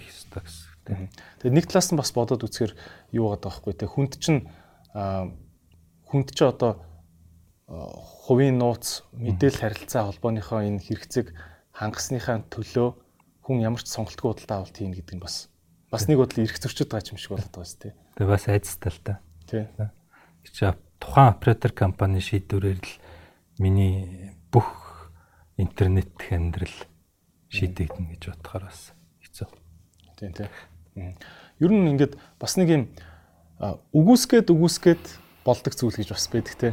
Дэлхий дээр одоо ингээд хараад хахад юу ч гэдэм бүр 100 жил хориглоод одоо анх машиныг гаргахад юу ч юу ч үгүй. Анх 1800 хэдэн хонд анх Mercedes-Benz компани машин гаргаж хахад улс нь машин бол аюултай тий. Машинаар хүн зорчихын тулд заавал ийм урталт нь ингээд аюултай шүү холдоороо гэдэг ийм сануулдаг тугтай хүн гүйдэг байх хэвээр. А тэгээд машин дээр заавал онборд инженер гээд эвдэрх юм бол дэлбэрэлтээс өвчсөн сэргийлэх тийм баатарлаг инженер хүн заавал суух ёстой. Тэгээд жолооч байх гэд машин явахын тулд заавал 3 хүн байх ёстой гэдэг одоо жишээ нь хууль журам баталж исэн гэж байна. Тэ? А гэхдээ яг статистикийн хувьд ингээ хараад үзэх юм бол баг морь унах нь илүү аюултай байгаадсэн тэ. А тэгвэл ягаад ч зүгээр л юм шин юм болохоор л амар аюултай л гэдэг тийм юу хийдсэн. А одоо тийм буруу хууль дүрм хийдсэн. Тэгэл одоо одоо харалтаа машин бол одоо бүр хөнгөө явчихсан тэ. Тэгэд ингээ жам ёсны ингээл явах одоо үнэн мөнэн тодордог юм гэж бас байна шүү дээ тэ. А энэ шиг одоо харилцаа холбооны салбарт жишээ нь одоо жам ёсны ийм өөрчлөлт бол гарах гарах юм байна гэдэг тийм зүйл юу байна? Өөр виртуал операторууд Монголд э, үүснэ гэж ойлгож байгаа. Тэ энэ бол ялтчгүй жам ёсны зүйл. Дээрэс нь оператор компани зөвхөн Монголд ч биш ер нь дэлхийд даяараа зөвхөн дата компаниуд болно гэж ер нь Colpro-гийнхэн итгэдэг. Ярианы болон мессежийн үйлчилгээнүүд бол 3 дахь компани хийж байгаа. Оператор компани бол зөвхөн дэд бүтэц датагаа хангадаг дэд бүтцийн компани болж өөрчлөгдөнө гэж ингэж боддог. Ер нь ч яг тийм болох байдал дэлхийд дахинд маш их анзаарэгдэж байна.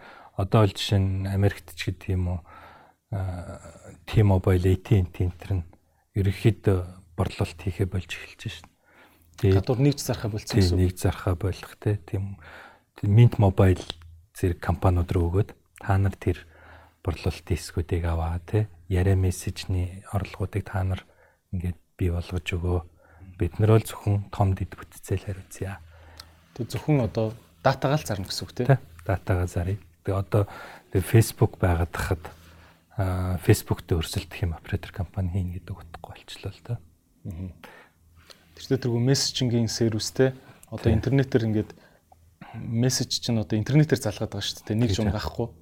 Тий. Тэгээд энэ энэ болгонтой Германы Deutsche Telekom 2000-ад оны үед л үтэй өрсөлдөх гэж үзсэн бил. Бид нар ер нь энэ аппликейшн хийгээд байгаа нөхдүүдийг дарж авнаа. Биднээс мундаг аппликейшн шийдлүүдийг хийгээд харилцагч нартай өгөөд гэж явж нилээдгүй олон сая доллар евро цацаад тэгээд бууж өгөөд за бид нар барахгүй байна. Та нар ингээд наатахаа хөгжүүл бид нар гол суур платформ хариуцж явъя гэд. Тиймэрхүү жамсны өөрчлөлтүүд болох байхаа. Тэгэл одоо нөх олон салбар ажилуулаад хайрын зардал гаргаал те. Ийм ч яасан исэн багц, тийм ч залуусын багц, оюутны багц гэл ингээл маркетинг. Ер нь бол би зүгээр ингэж боддог байхгүй. Одоо энэ Mint Mobile гэдэг компани жишээн дэр те Super Bowl гэл одоо одоо хөлбөмбөгийн том тэмцээн, Америк хөлбөмбөгийн том тэмцээний тэр дундуур реклама явуулна гэдэг бол ингээл 100 мянган доллар моллороос эхэлнэ шүү дээ те. Аа тэгсэн чинь том том компаниуд болохоор яасан ийсэн залуучуудын цоо шин багц шин иргэн үеиг гэл ингээл маркетингийн ажил хийгээл том том юунуудыг ивент тэгэл те. Рекламуудыг гаргаал тэгсэн чинь Mint Mobile-ийн ингээд сонингийн булан дээр 20 доллар төлөөд бараг тавьдаг шахуу юм. Жижигхэн хоёрхан мөр реклам те. Манайд та хэдийнхаа мөнгийг хэмнээд ийм хямдхан реклам хийлгэжтэй шүү. Тэгээд Mint Mobile-аас залуучууд хямдхан ярианы багц аваарай гэж тавьсан. Тэр нь баг илүү үр дүнд хүрэх гэсэн тий. Тэгээ ер нь явж явж зүгээр ингээ харахад бол а яг одоо ингээл үүрэн одоо хараад хахад зүгээр ингээд би ч бас маркетингийн ингээл юмд их оролцож явж штэ. Хараад хахад манай одоо одоо энэ телеком оператор компаниуд тий энэ утасны компаниуд гэх юм уу тий а маркетинд маш их зардал гаргаад байгаа харагддаг л та. Хамгийн их маркетинд зарцуулдаг компаниудын ерөөсө топт нь энэ утасны компаниуд ба шүү дээ харилцаа холбооны компаниуд. Тэгэнгүүт яг эсэм дээр ингээ сайн бодох юм бол тэр маркетинд гаргаад байгаа зардал чи явж явж ийш ирж байгаа шүү дээ. Манай эдийн төвч рүү ирж байгаа шүү дээ тий. Тэ? А тэгжснээс зүгээр л ийм олон салбар малбаргүй зүгээр датагаа л зараа. Тэгэд маркетинга хямдхан хийгээд гоё явж чаддгууд нь хийя. Виртуал оператор хий тэ. Тэ. Одоо жишээ нь хин хиндэ хэмнэлтэй байгаа байхгүй Тийм хин эндээ хэмэлтэй. Нэг талаа аа брэнд үүсгэж чадж байгаа хүмүүс аа оператор компани дэд бүтцийг байгуулах мэдээж техникийн болоод санхүүгийн боломж байхгүй. Аа тэр хүмүүст нь боломж нь олгочихж जैन те. Та нар маркетингээ хийгээд брэндээ үүсгээд орлогоо олж болно гэдэг. Аа нөгөө талдаа технологи хийдэг, дэд бүтцээ байгуулж чаддаг компаниуд бид нар зөвхөн энийг хариуцъя.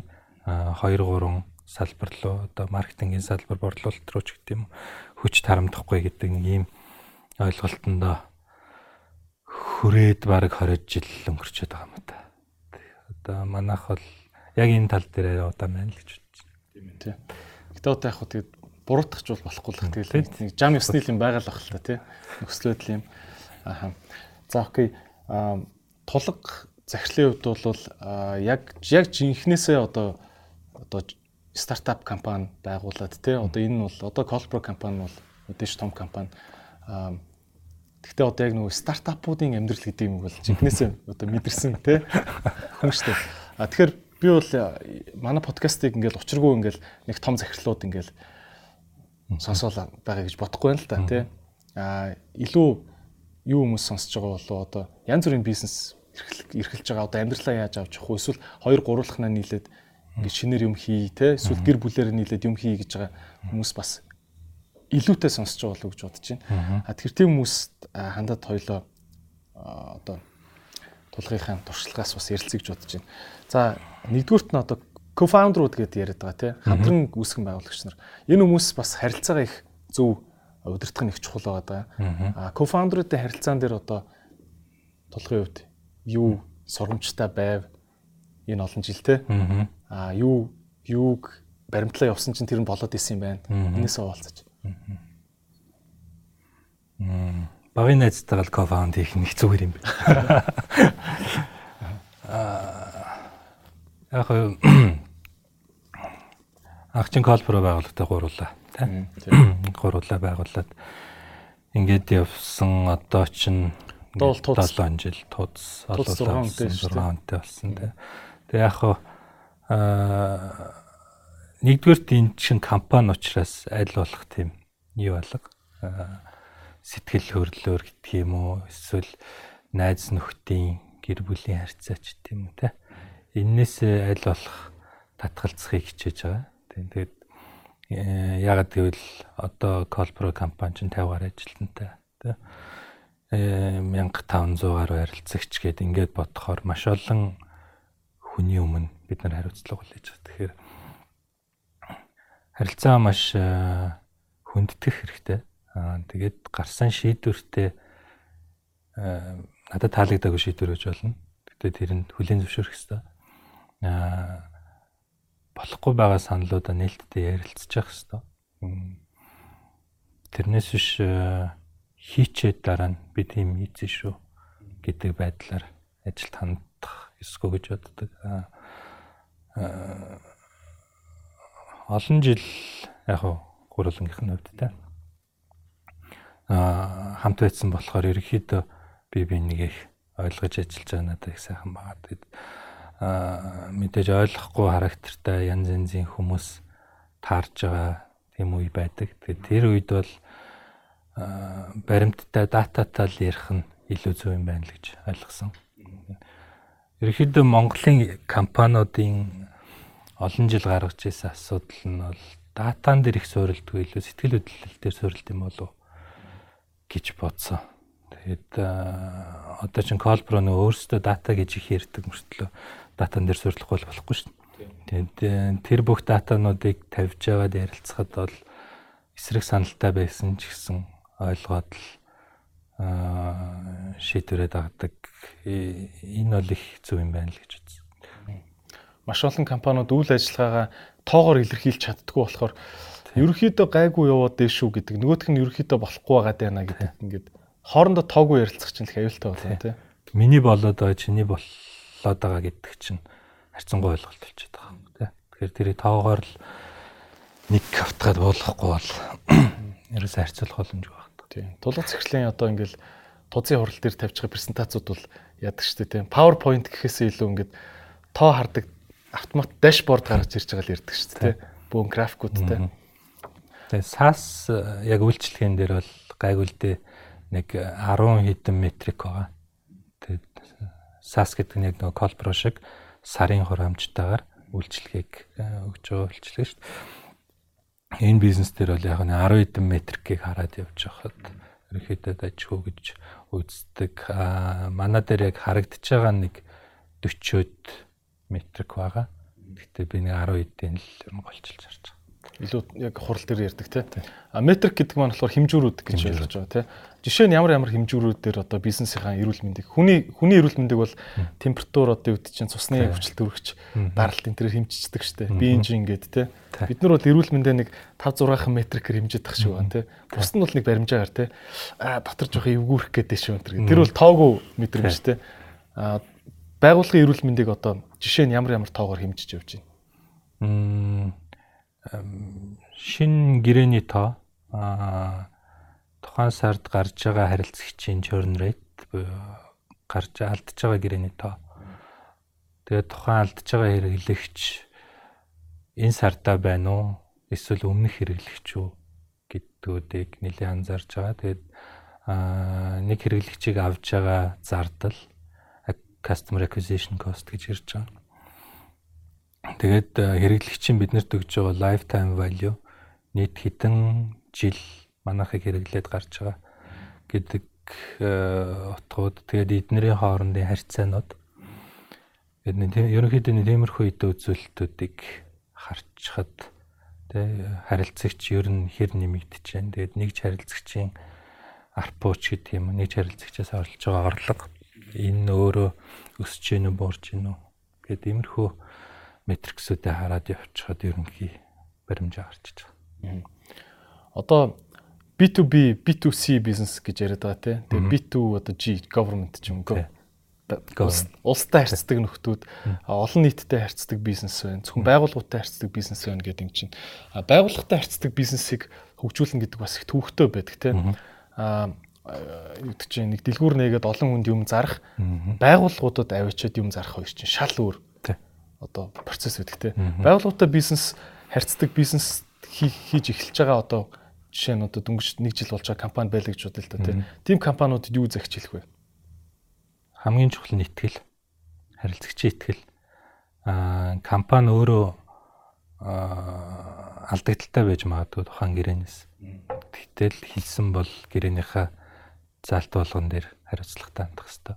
Тэгэхээр аа эн чинь нөгөө нэг хүнд хилээд тэр нь цаашаага муу гэд яриад тэдний бүтээгдэхүүн муу юм байлээ гэж ярих нэг өөр байгууллага дээр алдаа гаргана гэдэг маш том асуудал.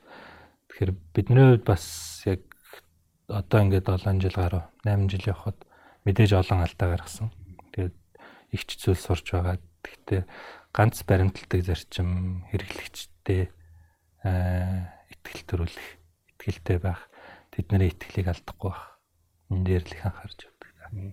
Одоо тэгэл яадаг штэ. За мэдээж итгэл гэдэг үг бол ямар ч бизнесийн ном дээр гараад ирдэг үг те ингээл итгэлийг алдаж болохгүй гэлдэг те. Тэгвэл одоо яавал итгэлийг алдчихад байгаа юм те. Үнэхээр ингээд жоохон алдаа жоохон жоохон үнэхээр ингээд алдаа гардаг штэ. Тэгээ итгэлийг ингээд алдчихвал яад юм те. А энэ итгэлийг ингэж үнэхээр Колпро бол амар компани шүү гэдэг итгэлийг төрүүлэх одоо ямар ямар ноу хавнууд байна жижиг сажиг те. Захиралтай нь очиж яригдах хэрэгтэй юм те яах юм бэ? Яригдсан шүү дээ яг хөө тэгэл үйлчлэгээ бүх зүйлээр л харуулна л да дараад тэр асуудлыг дахин гаргахгүй байх. Яг тухайн алдаанаас болж ямар өөрчлөлтүүд хийгдснээ тухайн байгууллагад эргэж тайлбарлах.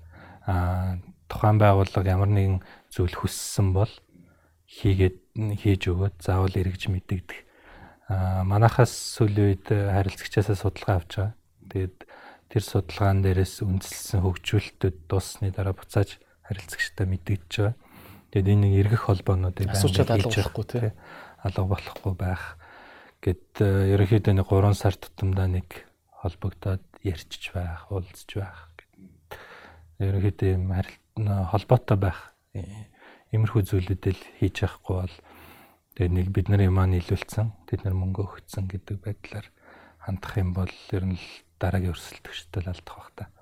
Аа сая бас ивент дээр нэг конференц дээр бас нэг сонирхолтой юм яригдчихсэн. Компани юу хөдөлтөж авт юм бэ гэд. Тэгсэн чинь компани ерөөсө бүтээгдэхүүн биш, компани үн цэнийг хөдөлтөж авт юм нэ. Тэгэд маш олон залуучууд тэрийг ойлголгүйгээр нэг одоо жишээ нь IT компанид ажиллаж байгаа 5 мундаг инженер нь бид нар энэ програмаа хийж чадах юм чинь гэж гараад яг адилхан компани байгуулад нөгөө хуучин компанийхаа бүтээгдэхүүнээс арай гоёыг ч юм уу илүү гоёыг ингээд хийгээд зарах гад оролдохоор хүмүүс авдаггүй ингэнэ. Тэгээ энэ яг юунда байд юм бэ гэхээр энэ ихтгэлд байдаг. Энэ үнцэнд байдаг. Тэгэд энийг ямар нэгэн техник техникийн шийдлэр юм уу програм хангамжаар орлуулж болдоггүй. Аа энэ яагаад гэвэл худалдаа өгчтал програм хангамж худалдаж аваагүй эднэр үнц нь ихтгэл худалдаж авт юм аа гэдэг. Тэгэхээр надад бол Колпро энэ тал дээр илүү сайн ажиллаж байгаа хаа л гэж боддог. Сайхан харилцааг бас судалж авдаг тий. Би ийм магтаалыг айгүйх сонсдог ш. Танаа өстө ажиллаж багийнхан чи айгүй айгүй хөөрхөн бүр Өстой ингээл залгаал бид нар битээр ч одоо аим сайн найзууд болсон гэдэг байдаг байхгүй. Би тэ одоо гайхдаг. Ингээл боршуур барайл ингээл борлуулалаас хизүүдээ тэг сайн найзууд болчтой юм гайхаад байдаг байхгүй. Тэ яг нэг бодлын Монгол жижиггэнд бас тэрэндээ ч үүдэг ш. Тэ а гэхдээ B2B бизнесийн бас нэг онцлог нөгөө ял бас колброгийн ч онцлог баг. Маш удаан хугацаанд ажиллаж иж нөгөө юм маань жигдэрдэг. Үйлчлэгээ маань жигдэрдэг. Тийм учраас э, нөгөө компанитайгаа ирэх холбоо 1 2 сар бол ер нь нэлээд ажиллана шүү. Тэгэхээр борлуулалтын ажилтнууд маань тэн дээр нэлээд их ажилтдаг учраас бас их ойр дотн болдог. Тийм тийм. Би бас зөвхөн нэг зүйлийг нэмж хэлмээр байгаа нь юу аахгүй нөө. За одоо юу ч үгүй. За би ингээ скан хийсэн байлаа гэж бод. Сканыг би бол яаж хийж байгаад нэг нэг өдрийн дотор зарж болно те. Аа байгууллагт систем нэвтрүүлнэ гэдэг чинь бас алхам болдог те. Тэг тэг. IT-гийнх нь хилцэн авчмаар байна танах ёстой мундаг систем байна гэдэг. Тэгэнгүүт маркетингийнх нь үгүй эгүй бид нар бүх юм фэйсбүүкээр хийгээ болоод байгаа гэдэг те. Тэгээ санхүү нь юу мөнгө. Санхүү чи юу мөнгө зардал хэмнэх гэж ядж ах чинь гэдэг ингэдэг те. Тэгээ ингээд юм хилцэн хоорондын алалцсан бас нэлээд болдог харагдчихэдэг те.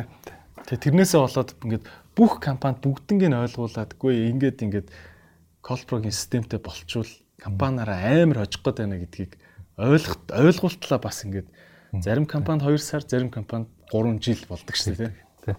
Маш олон жил болж байгаад манай харилцагч болж байгаа. Нилээдэг компани биш үү? Тэр бол манай борлуулалтынхны бас кафте үе э, юм шиг байна, тий. Бөөн баярлал орж ирдэ шүү дээ. Авцсан шүү гэл. Харин тий. Тэгэд нэг э, нэг нэг хилтэс нэг болгоных нь дарга нартаа уулзаад бүх мэрэгчлэтнүүдтэй нь уулзаад арай гэж компаниг тойроод уулзалт хийгээд дуусаад бүгд ойлгож итэл оо манай маркетинг дээр шин захирал ороод ирсэн гэж надад тэ. Нөгөөх нь зааж байгаа би ажлаа ойлгохлоо нэг сар болоо тий дараа уулзъя гэж наач тэ. За энэ мэтэр бас гой гой юм болдсон шүү. Тэгээ байгууллагын борлуулалт хийдэг хүмүүст захихад ер нь урт хугацааны тэ уухгүй уухгүй юмд бас бэлэн байгаарай гэж хэлмээр нь. А Colpro компани одоо ингээд тулга захирал өдөртөд явж байгаа бас тоонуудаас сонирхуулаач тэ өөр зөвхөн хүмүүсийн мэдгүй тоонтой ч болно шүү дээ. За одоо тэдэн мянган харилцагч та тэр бол бас амарх мэдчихэж болно те. Өөр цаана юу юу вэ? Ганц хоёр тоо сонирхуулаач. Аа. За бид нарт 100 гаруй сервер байгаа. Мм. Монголд 4, Америкт 1 дата центр, Кыргызстанд 1 дата центр ингээд аа 6 6 дата центр дээр байгаа 100 гаруй серверийг манайхан хяндаг. Тэгээд м ерөөхдөө бол өдрийн оргил ачааллын зэрэг дуудлагын тоо нэг 1000 гаруй дуудлага хүрч байгаа. Яг зэрэг явагдаж байгаа тийм зэрэг явагдаж байгаа дуудлага тий. Ерөөхдөө 1500 харилцагчийн 15 терабайт хэмжээний мэдээлэл манай дээр хадгалагддаг. Гэмэд иймэрхүү л тоонууд санаанд орж байна. Тэгээ энэ тоонууд чинь байнга хувьсаад өөрчлөгдөд яваад байгаа тийм. Аха. Тэгээ ер нь бол ярианы минутын тоо мог л хэдэн сая минутаар ирж шүү дээ тийм. Хэдэн сая минутаар.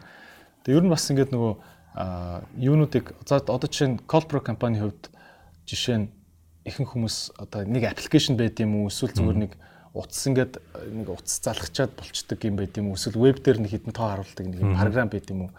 Цаана байгаа стед бүтцийг бас мэдээж ойлгохгүй гэж хэлэх нь одоо хашийн гэхдээ уусаад мэдэх албагүй юм чинь те гэхдээ маш том дэд бүтцүүд байдаг. Ингээд 100 100 сервер хоорондоо үг хэлээ олцоод үргэлж яг адилхан апдейттэй явна гэдэг бол одоо cloud системийн хамгийн гайхамшиг нь гэж би боддог шүү дээ 99.95% uptime буюу сард 40 минут унахыг зөвшөөрдөг стандарт бид нар мөрдөж байгаа.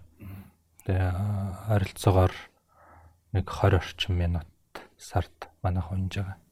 Аа. Гэхдээ би нэг нөхөө авчин. Тэгээ нөхөө авчин. Тэгээ заримдаа нэг 10 минут орчим гэдэг. Тэгээ клаудын гайхамшигын дэрэлтэй зарим серверүүд унтарч алдаа гараад унтарч байхад үлдсэн серверүүд нь ачааллаа авчдаг. Тэгэд 100 сервер бүгд яг жиг тачаалтай явна шүү дээ тийм. Тэгж ер нь бол. Зарим юунуудыг одоо жишээ нь cloud system би бас энэ дээр нэг зүйл тодруулж хэлмээр байгаа нь зарим компани за зарим компани ч байх те одоо зарим үйлчлэгээ гэж хэлээ л да те cloud гिचингүүтээ яг арталт нь байгаа серверүүд нь ачаалал жиг төвөрлөө тийм олон серверүүд хоорондоо ярилцаад ярилцаад ингийн үгээр ярил те. Ярилцаад ингэж ачаалал жиг төвөрлж чадахгүй нэг сервер дээр хамаг ачаалал нь төвлөрж идэг зарим нь ингээд таг унтраатаагаар байж идэг ч юм уу те. Энэ бол яг яг жинхнээсээ cloud үг гэхээр биш болчиход байгаа байхгүй те. Чи ганцаараа cloud юм шиг тэр том нь. Тий. Тэгэхээр би бол нэг бас нөгөө Colpro компаниар бахархдаг нэг зүйл нь болохоор үнэхээр яг инженерингийн гайхамшигыг бол яг тэр серверийн ачааллуудыг ингэж чигтгэн байлгах байлгаж хуваарлж чаддаг дээр нь бол яг жинхэнэ cloud service гэж бол боддог тий. Тэгээ бид бол анх чин эхлэхдээ аа 3 сервертэй эхэлчихлээ шүү дээ тий. Тэгэхэд одоо 100 гарсан болсон байна. 30 дахин өссөн байна. Тэгэхээр үйлчлэгээнүүд ч олон болсон. Тэр хэврээрээ манай үндсэн сүлжээ нэлээд төвөгтэй болж байгаа. Тэгээд дээрэс найдвартай болж байгаа. Өмнө нь бол 3 сервер байхад нэг нь унахад нөгөө хоёр нь ачаалаад дийлэхгүй унах дагаж ундаг ч гэх юм уу тийм үе байсан. Одоо бол харьцангуй тийм асуудал болсон. Энэ бол тэгэл маш том одоо яг хард дид бүтцсэн байгаа байхгүй тий. Яг бодит дид бүтцтэй. За хэцүү хэцүү. Окей. Аа ер нь одоо ингээд за одоо энэ надад нэг юм асуулт амар таалагдсан юм л та. Компани одоо шилжүүлэх гэдэг нэг асуудал байгаа тийм. За одоо ингээд магадгүй Lime Network гэдэг ингээд цоошин компани үүсэж байна. Colpro-гийн одоо ингээд Colpro-гоос үүсэж байгаа дараагийн компани гэсэн үг тийм. Тулга захирал илүү тэрлүүгээ анхаарад. За одоо ингээд Colpro жишээ нь гів гинтхэн өөр захиралд ингээд гардуулъя гэж бодъё л та. Тэгвэл одоо юу захих вэ? Өөрийнхөө байгаараа л гэж хэлнэ. Ягаад гэвэл хүмүүний удирдах арга барил өөр. Аа тийм учраас баг хамт олноо удирдаад явхад удирдахч хүний өөрийнх нь вижн маш чухал. Аа яг юунд хүрэх гэдэг. Нөгөө юунд хүрэх гэхэд байгаа мэдэхгүй, хэлэхгүй бол нөгөө ард нь байгаа олон залуучууд хаачихаа мэдэхгүй юу руу зорихоо мэдхээ билнэ. Тэгэхээр яг өөрийнхоороо за би тэр зэгт очино. Ингиж ингэж хөрнө гэсэн өөр ихтгэл үнэмшилтэй аа байхгүй бол одоо жишээ миний үгээр явна гэж. Аа дээрэс нь аа баг хамт олно нэгтгэх чадвар маш чухал. Би бол Колпрогийн залуусаараа бахархдаг том зүйл бол тэр маш гэр бүлсэг өөр юмсэг хамт олон 50 залуучууд байгаа. Аа ямар ч асуудал гарсан шүн оройгоо суугаад асуудлаа шийддэг. Энийгээ Колпрогийн үйлчлэгийг ажил биш амьдралынхаа нэг хэсэг гэж ойлгодог. Тэгэд бүх залуучуудаа баярлалаа гэж хэлье. Энэ үзэж байгаа л. Үзэж байгаа. Аа нэр баг хамтаа олон өдөртөх бас ноу хаунаасаа тий хуваалцаж. Саяхан би бол би ч бас ингээд бизнес партнеруудаас хардсан шүү дээ заримдаа. Ер нь сайн компани өдөрч чадж байгаа юм уу те 360 үнэлгээ саяхан тулга захирал дээр бас хийсэн. Ер нь жил болгон хийдэг. Маш өндөр үнэлгээтэй гарч илээ. 360 үнэлгээгээд одоо зарим хүмүүс сонсог байгаа бол те. Гэтэ яг үнэх амшин юм бол биш шүү те. А хамт ажиллаж байгаа, зэрэгцээд ажиллаж байгаа, дээр нь ажиллаж байгаа, удирдлага доор нь ажиллаж байгаа бүх хүнээс ингээд бүх тал талаас нь судалгаа аваад одоо нэг хүний юг үнэлгээ гаргадаг те. А маш өндөр үнэлгээтэй гарч илээ. Яг яаж харьцаад байна те Хэлэхгүй. Хэлээч. Аа. Эслэ яаж авч явж байна? Гэхдээ яг би бол аль болохоор Colpro дээр захирал гэж байхгүй гэдэг ойлголтыг төрүүлэхийг хичээдэг. Аа мэдээж ажил юм чинь босоо удирдлагаар гарын үсэг юм хум явж таарна. Аа гэхдээ аль болох хэвтэй байдлаар бүх хүмүүстэй харилцахыг хичээдэг. Тэгээд аа шинээр дөнгөж орж ирсэн залуу ажилтнууд ч гэсэн ирээд юм асуугаад жилэтөө ажилтдаг. Энэ энэ маань нөгөө залуучуудад маань нэлээ амар байдаг юм болоо гэж санагддаг. Дээрэс нь би хүмүүст ажлын даалгаж өгөх их дуртай. Аа яаж игээд учрыг нь олцсон байдаг. Аа тэгэхгүй нөгөө миний аргаар хийгээд ингээд шахаад ах нь жоохон дэм юм байна гэд ингэж бодсон. Тэгээд ерөөхдөө ярилцах хүсэл мөрөөдлийн ойлгох тэгээд яг ямар хүн болмоор байна гэдэг дээр нь туслах энэ талд нь л илүү хамт байхыг хичээдэг те. Ма Colpro компани дээр бол захирлын өрөө гэж байдгүй те. Баггүй дээ. Тэ. Айгуу том офстай гэхдээ захирлын өрөө гэж байдгүй. А Dropbox-ийн бас офсер орж яхад Dropbox-ийн хоёр захирал нь бол өөрсдийн гэсэн өрөөгөө Тэгэл ин тэнд ингэ явж байдаг. Тэгээ тулгац захирал бас тэгж ажилдаг. Тэр бас нэг тиймэрхүү зүйл нөлөөлдөг гэж бодож байна. Тийм би хамгийн их нөлөөлдөг зүйл тэр болов гэж. Тусдаа өрөөнд суух, тусдаа байх гэдэг ер нь их тийм яхаа. Ялангуяа энэ хурдтай ажиллаж байгаа үед бол гадаа хүмүүс хүлээлгээд л тэгээ цаг өгч уулздаг байдаг. Жохон юм яхаа. Ер нь технологийн гэлтгүү компаниуд дандаа дараа дараагийнхаа үйл шилжиж явдаг те. Одоо ингээл юу ч үгүй ундааны компаниуд гів гинтгэн сахаргүй ундаа гаргаснаа тэгэл те гів гинтгэн баг коконат хийдэг болол сайхан сахар зардаг байцсан. Одоо ингээл одоо бид нар эрүүл ундааны компани боллоо гэл ингээл эхэлдэг шүү дээ. Дэлхийн ингээд өөр хэрэглэгчнэрээ дагаад шин шин юм одоо Facebook хүртэл ийм том компани Metaverse руу бид нар шилжлээ гэл Oculus VR руу шилжиж гин гэл тэр нь ингээл нэг худлаа маркетингийн юм юм шиг ихэндээ сонсогддог те. Худлаа маркетинг юм яваад байгаа юм шиг. Гэхдээ явандаа ингээд үнэхээр л ирээдүйд тэр болж таарад идэх те. Аа яг энтэй адилхан Colpro дээр юу бодож байна? Colpro бол одоо ингээд дандаа байгууллагын бүх харилцаа холбоог автоматжуулдаг компани байсаар ирсэн те. Зарим хүмүүст жоох ингээ өөдрөлтөө сонсогддог байж магадгүй те. Сонирхолтой юм юу болж байна те. Би би мэдж байгаа л та би зүгээр үзэгчдийнхээ хүмүүс асууж байгаа шээ. Тэгээ аа бид нар ерөнхийдөө 2 жил тутам нэг үйлчлэгээ нэмж гаргаж явж байгаа. Тэгээд аа илүү байгуулгын үйлчлэгээнүүд болохоор яг хувь эрхлэгчдэд гэх юм нийгэмд нэг их зарлдаггүй үйлчлэгээнүүд баг. Тэгээд аа одоо бол энэ жил хамгийн анхны хувь эрхлэгчдэд зориулсан үйлчлэгээ гаргаж үзэх чинь энэ бол Lime гэдэг аа дугаартайгаа ярьдаг аппликейшн гаргаж байгаа 72 гэдэг дугаарлалттай. Дэлхийн хаанаас ч хэрэглэгч аппликейшнээс суулгаад Монгол дугаартай болно. Аа монгол дугаараараа ярина SMS-ээ бичнэ. Аа энэ гол асуудал маань гадаад байгаа монголчууд байгаа. Бид нэр Монголд байгаа гэр бүлийнхэнтэйгээ ихэнх нь ер нь Facebook-ээр ярьчихлаа л да Viber-аар. А тэгтээ а энд байгаа хүн интернет ороогүй бол яах вэ те?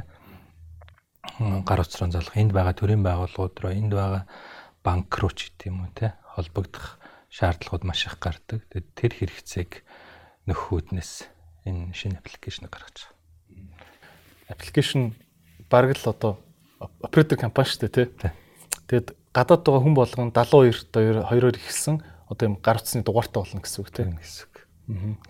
Аа тэгээд энд энд байгаа хэрэглэгчд 72 та дугаарлан залгаж болно. 72 та дугаар гадаад байгаа хэрэглэгчд Монголд байгаа альч дугаарлууга ярьж бол бас SMS бичиж бол Энийний цаана одоо ямар технологи явж байна? Энэ одоо ярианы чанар манар те одоо Facebook руу Facebook-ээр хоорондоо ярьдаг шүү дээ. Бид нэр энэ RTC гээд сүлд гарсан технологи байгаа. Энийг монголчуудын яг сайн мэдэх нь бол Clubhouse. Clubhouse-ийн арталт явдаг, яриа дамжуулдаг технологиг ашигласан. Аа сигналын хэсэг буюу энэний арталт явж байгаа бүх кодчлын хэсгүүдийг бүтэн манай компани залуучууд бичсэн. Тэгэхээр бид нэр кодчлын альч төвшөнд нь нэмэлт функцүүд нэмэх боломжтой. Ингэснээр бид нэр зөвхөн утсаар ярих үед маш олон төрлийн мэдээллүүдийг хэрэглэгчдэд өгөх боломжтой болчих. Жишээ нь дараагийн бидний төлөвлөж байгаа зүйл бол утсаар ярьж явах үед чин пицца хат руу яриад те пицца захиалж явах үед утасныхын дэлгэцэн дээр пиццаныхын меню гаргаж ирэх боломжтой. Тэндээсээ хэрэглэгч пиццагаа сонгонгууд цаад оператор дээр нь ямар пиццанууд сонгогдсон нь харагдчихэдэг. Зөрүүлээд купийн төлбөрийн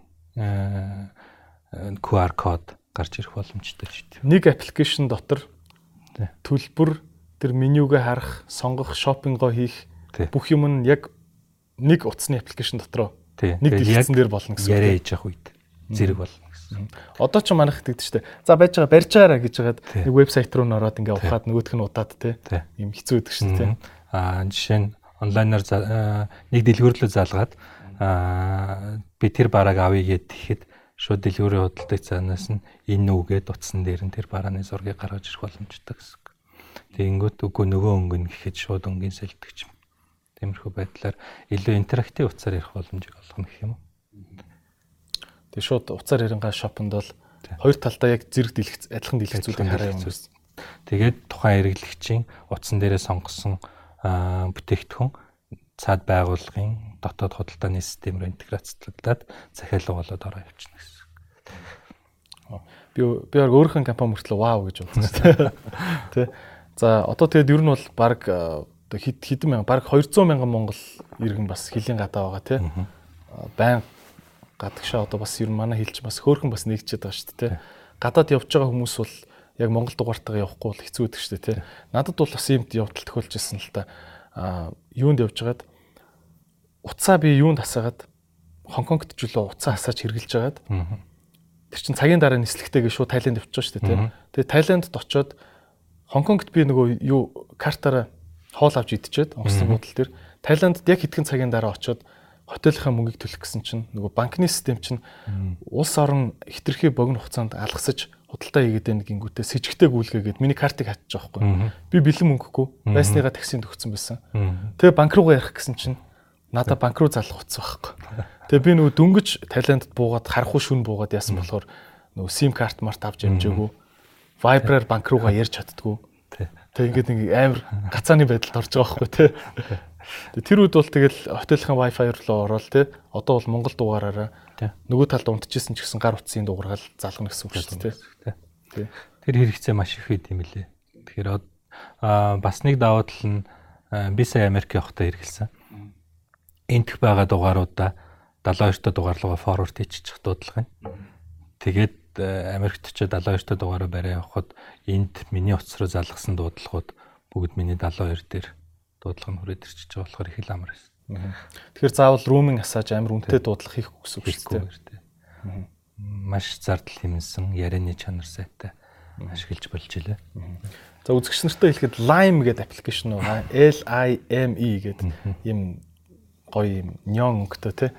Тэгээд Shark Tank нэвтрүүлэгт бас манай компани спонсороор оролцож байгаа. Тэгээд Shark Tank-ыг үзэж байгаа хүмүүс бас хараарай. Миний реклам гарч байгаа тий. Би ч одоо компанийн рекламд бол тэгэл тулгуур захирал залгаал тий. Шууд рекламд тоглоно шүү гээл. Бордо загнал. Бордо загналал рекламд тоглолт шүү дээ тий. Окей. А одоо хойлож жоохон фантастик юм ярил л да. Одоо ингээл Black Mirror энэ гээл зүүн зүүн кинонууд шүү дээ. Ирээдүйд бүр ингээл гэдэг чи хүний тархинд чип суулгаал баг бодлыг ингээл дэлгэцэн дээр хардаг болж молол юм. Солиотой солиотой зөгнөлт юм ирээдүг харуулсан кинонууд байдаг шүү дээ тийм. Одоо ер нь бол бидний хүүхд байхдаа солиотой ирээдүг гэж боддог байсан кинонууд ер нь бол одоо ингээд биелээд эхэлчихлээ шүү дээ тийм. А тулгаагийн хувьд бол яг зүгээр технологийн хүний хувьд яг одоо ингээд хитрхи фантастик гэж бодмоор ийм кинонууд ч юм уу. Тим зүйлсээс аль нь ер нь ойрын хугацаанд биелэх бол гэж харж байна. Тэр жоо хоёлоо фантаст л л. Тэр метаверс ойлголтуудыг э, ярьдаг кинонууд ер нь биелчих байхаа. Тэр э, юу байгаа шүү дээ. Black Mirror дээр их гардаг нэг жижигэн төхөөрөмж биедээ зөнгөтл нэг юм тоглоомын өөр орчинд орчдог ч юм уу те эсвэл нэг нүдний шил зүгээд явхаар бүх хүмүүсийг харахад нөгөө хүний тухай бүх мэдээлэл нүдний шил дээр нь гарч идэг ч гэдэг юм.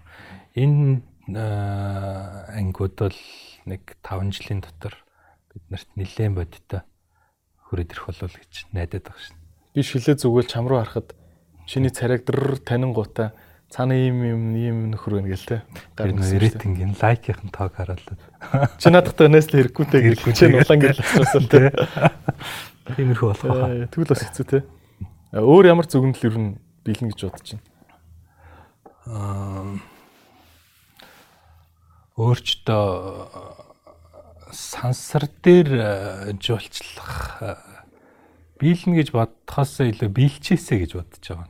Тэр байна нисэх хоббит одоо ч тэр юм уу. Тэр сансрын нислэг сарн дээр амьдрах тэнд аялал жуулчлал өгч гэдэг юм. Тэр л хурдан бий болоос гэж л хүсэж байна. Тэр нь удахгүй хаа. Тулгаа маань бас надтай хамт эйр шоунууд руу дагаж явж тэ. Тэгээ хүмүүс ч бас нөгөө хамтрагч нар ч олон жил болоод ирэхээр ингээд би эндээ нөлөөлдөг юм бэл л дээ тэ. Нисгчийн сургуульд яваад байгаа тэ. Наа тий. Баяр хүргэе бас. Баярлалаа. Тий. Сансарт эзэн ниснэ гэж бодож байна. Аа тэгт 5 жилийн дотор болчихгүй л үү дээ. Virgin Galactic руу юугаар уу? Virgin Galactic юм уу? SpaceX юм уу? Blue Origin руу. Blue Origin юм уу те. Аа ер нь бол бүгд л ойрын 2 3 жилд илүү нээлттэй болчихвол гэж хүлээгээд байна. Тэгэхээр аа одоогийн байгаа тэр 150 км орчим билүүд те. Тэр гой мэдрэмж баха. Нэг 5 жилийн дотор бол илүү аа нөгөө юу гэдэмт болцоотой те хүн болгон хэрэгжилж болох үйлчлэгээ болох болов гэж. Одоо тэгээд э, сансарт гарч байгаа компаниуд чинь бүгд өөр өөр юм философитой байгаа даа шүү дээ тийм. Одоо юу ч үгүй. Elon Musk бол бүр бид нар цаашаа сансарт гараад цаашаа өөр гаригийг хөгжүүлээд ингээд олон гариг дээр амьдардаг тийм хүн төрлөختөн. Дэлхийн хүн төрлөختөн биш сансрын гарна гэдэг. Сансрын төрлөختөн болох хэвээр гэж үзээд идэг. Тэнгүүд Jeff Bezos шиг хүмүүс нь болохоор үгүй ээ дэлхий бол гоё ингээд лагер цуслан гэдэг шиг гоё юм амар амгалан тайван үйлдвэр байхгүй утаа байхгүй болоод зөвхөн үйлдвэрүүд л сансарлуу нүгээд бид нар гоё сансраас ингээд iPhone каргогоор аваад сууж идэг. Дэлхий бол амралтын газар болно гэдэг. Өөр вижнтэй байгаад идэв шүү дээ. Чиний crazy одоо vision юу вэ? Хүмүүс ер нь цаашаа ямар болох вэ? Аа тэр нэг warp гэдэг технологи байгаа шүү дээ. Юу яадаг? Аа асар хол зайг товчилж хүрдэг те. Тэр технологи бий болоод бид нар ер нь дэлхийтэй маш ойролцоо гаригуудыг одоо ч олцсон байгаа шүү дээ тэр гаригуд руу очих бах тэнд арай өөр хүндрэлтэн гэдэг шиг тийм зүйлс байгаа бах. Тэд нартай илүү тийм ярилцдаг, уулздаг тиймэрхүү болох байх л гэж байна. Ирлиз мэрлиз болно. Арай л фантазлсан уу? Хит. Тэ хит фантаз. Гэтэ фантазлахад гоё шүү дээ. Яг болохгүй шүү дээ. Заримдаа дэлхий ингэж жоохон барилга мөрлөгөөр өөдөртэй шүү дээ. Доош харсан барилга мэрилгатай газар очивол хөвжөд ингэдэг. Гэтэ яг хөө мэдгүй одоо би бол яг хөө энэ тал дээр жоон консерватив байдаг байхгүй юу. Үгүй эгүй надад дэлхий маань л гоё юм те. Би зүгээр дэлхий гоё ингээл цэвэрхэн өстө дэлфи мэлфин тэгэл би бол хайпи. Тийм элдв сансрын амт юм таарлт марчгүй. Тэ. Юу гэдэг консерватив байдаг тэгээд яг хөө сансарт гарахаар угаасаа хүний ДНК өөрөө өөрчлөгдөхөөсөр аргагүй л болно л доо тэгэл. Хүн өөрөө өөрчлөгд өөрчлөгдөн гэдэгт бол итгэдэг шүү дээ. Хүн чинь үшээ айгүй өөрчлөгдөж байгаа шүү дээ, тийм ба. Хэдхэн одоо хүн үсээ сая жил болсон юм уу, тий? Тэр хооронд шал өөрчлөлт мянган жил болчихсон. Тий? Хүн өөрчлөгдөд байгаа. Аа, тулгын хувьд бас дандаа юм технологи, IT одоо баг юу гэмдэ хар хар яриагаар бол агаар зардаг бизнес гэж ярьдэн шүү дээ. Яг ингээд юу байхгүй ингээд гарт баригдах юм байхгүй. Тэгэд ийм бизнесийг хийгээ явж хахад одоо ийм бизнес рүү ингээд маш олон хүмүүсийн интернет эдийн засаг. Одоо ер нь яг зөвхөн бас хар яриагаар хэлэхэд бол ах нарын үе гэх юм уу? Одоо манай дээдлийн аав ээж нарын үе бол одоо ингээд бүх бүх салбаруудыг ингээд авцсан шүү дээ. Ер нь манайд ингээд нэг үлдсэн юм байхгүй. Одоо би бол бодохдоо залуучуудад бол одоо ганц үлдсэн юм интернет л байна нэрээ. Тэгээ интернет дээр юм хийх гээд ахт нь улс бити ингээд орж ирээд хаагаад боогоод тэ ингээд дагаач дээл гэж би үл яг өндө боддог. Өөр юм хийх гэхээр угаасаа та нарын үе ингээд аав ээж нар үе авцсан шүү дээ та нар тийм үстэй. Газрын бүгдийг авцсан. Одоо зайсанд бол нэр баг яг үндэ 5 сая доллароос доош үнэтэй газар бүлдсэн юм байхгүй. Бидний үед тийм мөнгө нь байхгүй шүү дээ. Тэгээд тэ барилгын авцсан бүх одоо шатхун уух идэх юм үйлдвэрүүд үйлдвэрүүд бүгдийг ингээд дээдлийн үе авчаад тэгээд залуучуудын үе ганцхан интернет биднэрт л байгаа байхгүй. Тэгээд энэ дэр юм хийх гэхээр бити ингээд саад болооч тэ гэж хүсдэг. А тэгээд тулхын хувьд бол яг одоо цэвэр интернет дээр ингээд карьераа бий болгоцсон. Технологи дээр ингээд ажиллаж байгаа хүний хувьд а бас ингээд энэ рүү ингээд энэ орон зай руу интернетийн орон зай руу шинээр орж ирж байгаа залуучуудаа юу гэж захимаар байна те. Нэг юм нүдэнд харагдахгүй юм зарах чинь хэцүү шттэ бас. Барилга бариад зарах ингээд нэг програм бичиж зарах хоёр хэцүү шттэ. Энд дээр юу захимаар байна? Тэгээ ямар үнцийг үүсгэж байгаа вэ гэдгийг их сайн бодох хэрэгтэй. Аа хүмүүс надтай бас их олон залуучууд яг IT-ийн залуучууд их уулздаг л да. Шинээр би ийм төсөл хийж ийн гэж байна. Тэгээ тэр нь зүгээр нөгөө гоё аппликейшн гэдэг юмнууд байдаг хөөхгүй. Тэгээ зүгээр л гоё. Гэхдээ ерөөс нь хүнд өгөөжгүй. Тэр зүйл бол одоо явах билсэн. Тэгэхээр яг хэдий агаар зарж байгаа ч гэсэн яг гарт баригдах юм байхгүй ч гэсэн энэ өөртөө үнцийг өгч байгаа. Тэр тухайн авсан байгууллага тухайн хүнд үнцийг өгч байгаа. Тэр үнцийг нь юу вэ гэдгийг л маш сайн бодож байгаа хэрэгтэй. Үнцийг үүсгэж байгаа зүйл байвал тэр аппликейшны сайхан муухай бол нэг одоо нөгөө Америкийн Craigslist гэдэг нэг сайт идэв шүү дээ. Аимшигын царамтай. Тэгэл тэр чинь маш их хүн чинь үүсгэж байгаа учраас одоо хүртэл яваал манай үнгүй юм чинь бас ихний хувилбар нэлээд царамтай байсан шүү дээ. Гэтэл үнэхээр хэрэгтэй тийм үнгүй юм л байхгүй бол юм явдггүй л байлаа шүү дээ. Тэгэхээр тэр үнц нь юу вэ гэдгээл маш сайн бодож байгаа хэрэгтэй. Ямар value өгч байна. Яг юм дээр ярих юм бол Google ч гэсэн мангар царамтай шүү дээ. Гэхдээ Google-д ер нь дизайн гэж байхгүй шүү дээ тийм үстэй. Тийм шүү. Нэг лого л үл. Тийм. Лого нэг юм олон үсэг. Олон өнгийн үсэгтэй тийм. Лого нь ер нь баг анхны хараа шүү дээ ер нь шахав. Тийм жоохон царайлаг болсон баг. Тий. Окей, тэгвэл тэрийг тэр л одоо хамгийн чухал зүйл байгаад байна тий.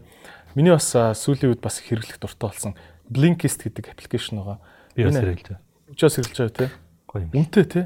Жилийн жилийн 80 хэдэн доллар шүү дээ. 80 хэдэн баг. Тий. Аппликейшнд жилийн 80 хэдэн доллар өгнө гэдэг бол бас л их мөнгө шүү дээ. Тий. Тэгэхэд л үнэхээр өгмөр санагдтал тэр тий. үн цэнийг гаргаж байгаа тий. Угаасаа уншиж амжихгүй юм чи тэр их номыг. Тий. Тэгээд тэр нэг 10 12 минут хэлээ тий. Тий. 12. Ямар ч номыг ингээд 10 минутанд сонсож болохоор хамгийн гол гол хэсгүүдийн түүж аваад ингээд багцлдаг тий. Тэр маш хэрэгтэй. Тэр уул нь манай залуучууд хийхэд их амархан да. Тий шүү дээ. Тэр бол нэг технологисод амар өндөр технологисод байхгүй тий. Би нэрээ тэр аппликейшн гэснээс юу бодсон? Одоо ингээ хятад байгаа аппликейшнүүд шүү дээ хятад чин TikTok байна, Clubhouse, Clubhouse-ийн бүр супер супер хувилбар чи хятад дотроо хэрэгэлдэг нь байгаа шүү дээ. Тэгээ TikTok-ийн илүү гоё хувилбар ч гэсэн хятад дотор хэрэглэж байгаа хятад нэртэйгээрээ байж л байгаа. Тэгэхээр бид нар ер нь бас шин юм бүтээх гэхээсээ илүү хятадын дотроо супер хэрэглэж байгаа аппликейшнийг баруунжуулдаг улс байж бас болмоор л бил. Манай залуучууд очиж хараад те. Тэгээ тэн чинь нөгөө манайхан ч илүү барууны соёлыг ойлгож байгаа дээ. Тэндээс хятадын аппликейшнаас авахыг аваад хасахыг насаад илүү гоё дизайнтайгаар барууны э, Европын Америкийн зах зээл рүү гаргавал бид нартаас боломж байгаа юм байна л гэж харагдсан. Хятад бол дандаа одоо ингээд Америкийг хуулаад юм хийдгээ бүр болоод зарим нэг салбар төр бол бүр хитрээ явчлаа шүү дээ. Тэндээс нь бид нэр зөрж хуулах, хятадыг хуулах юм ивэл сонирхолтой юм байна л гэж харсан. Тийм ээ тий.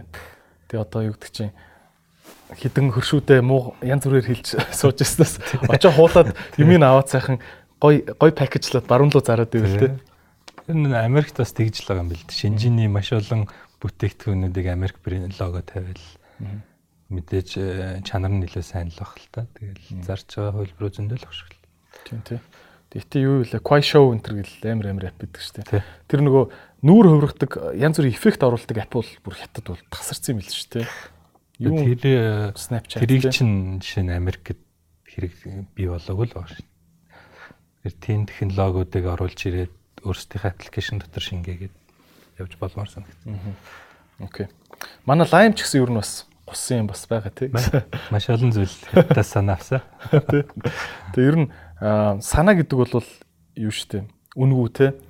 Ер нь технологийн ертөнцид ялангуяа санаа гэдэг бол хамгийн үнгүү зүйл байдаг. Facebook ч гэсэн яг хэсэмнэр хуулбарлал байсан шүү дээ. Ах тийм үстэй.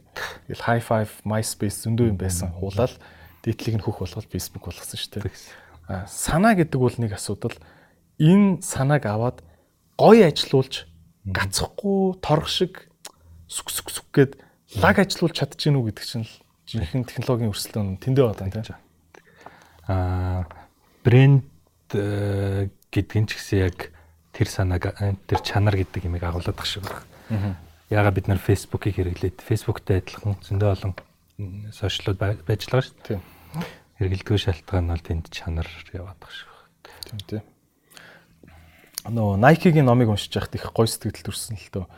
Аа Nike Nike дэлхий дээр чинь айлууд пүүз ер нь ингээ айлд орохоор айлын үдэнд пүүз байдгүй юм л шүү дээ тий.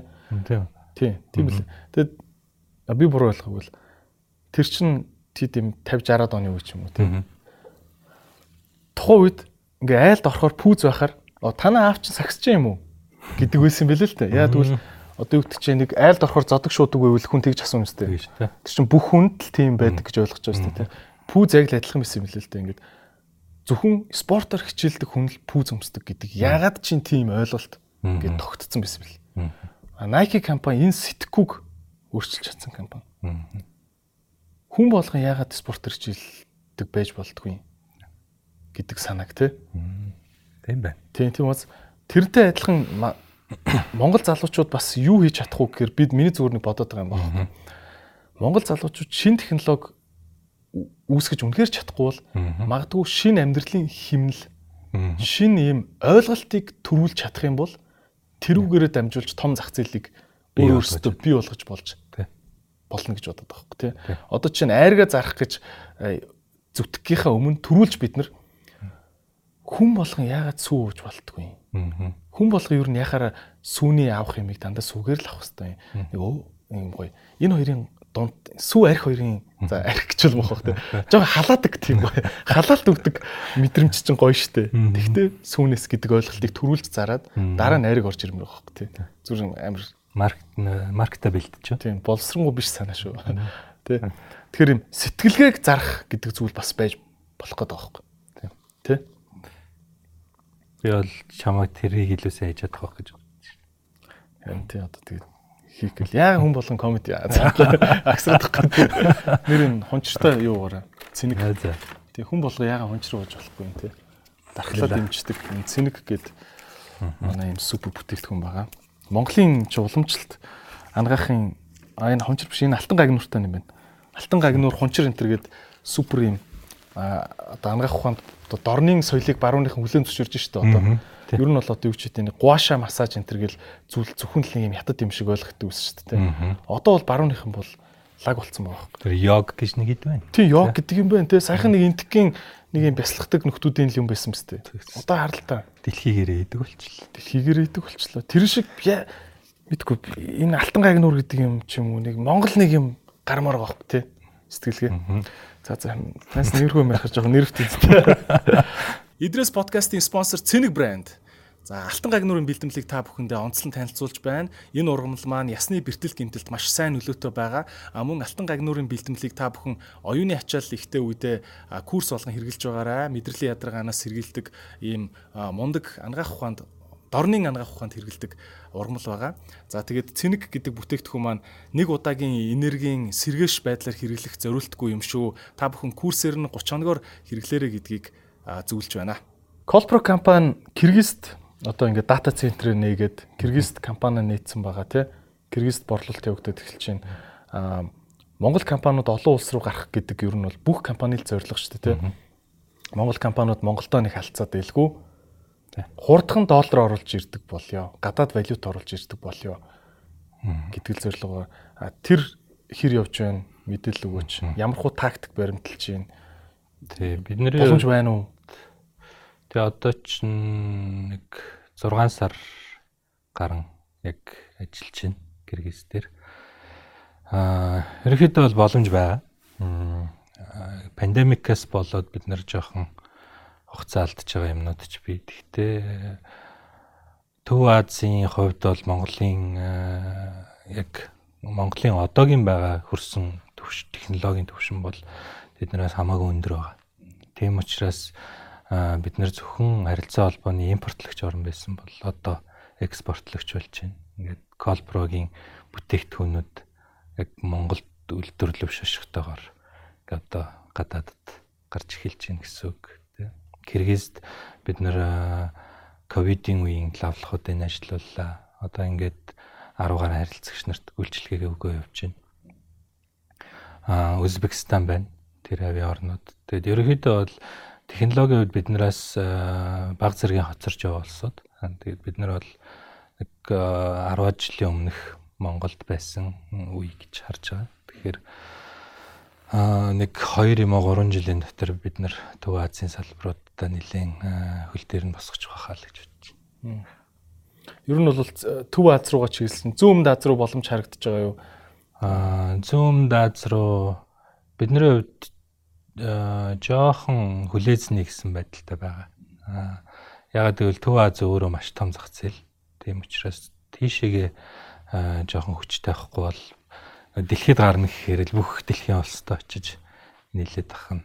Бид нарт ч бас тийм боломж алга л та. Илүү Төв Аз дээр фокуслж дараагийн 1 2 жил явна.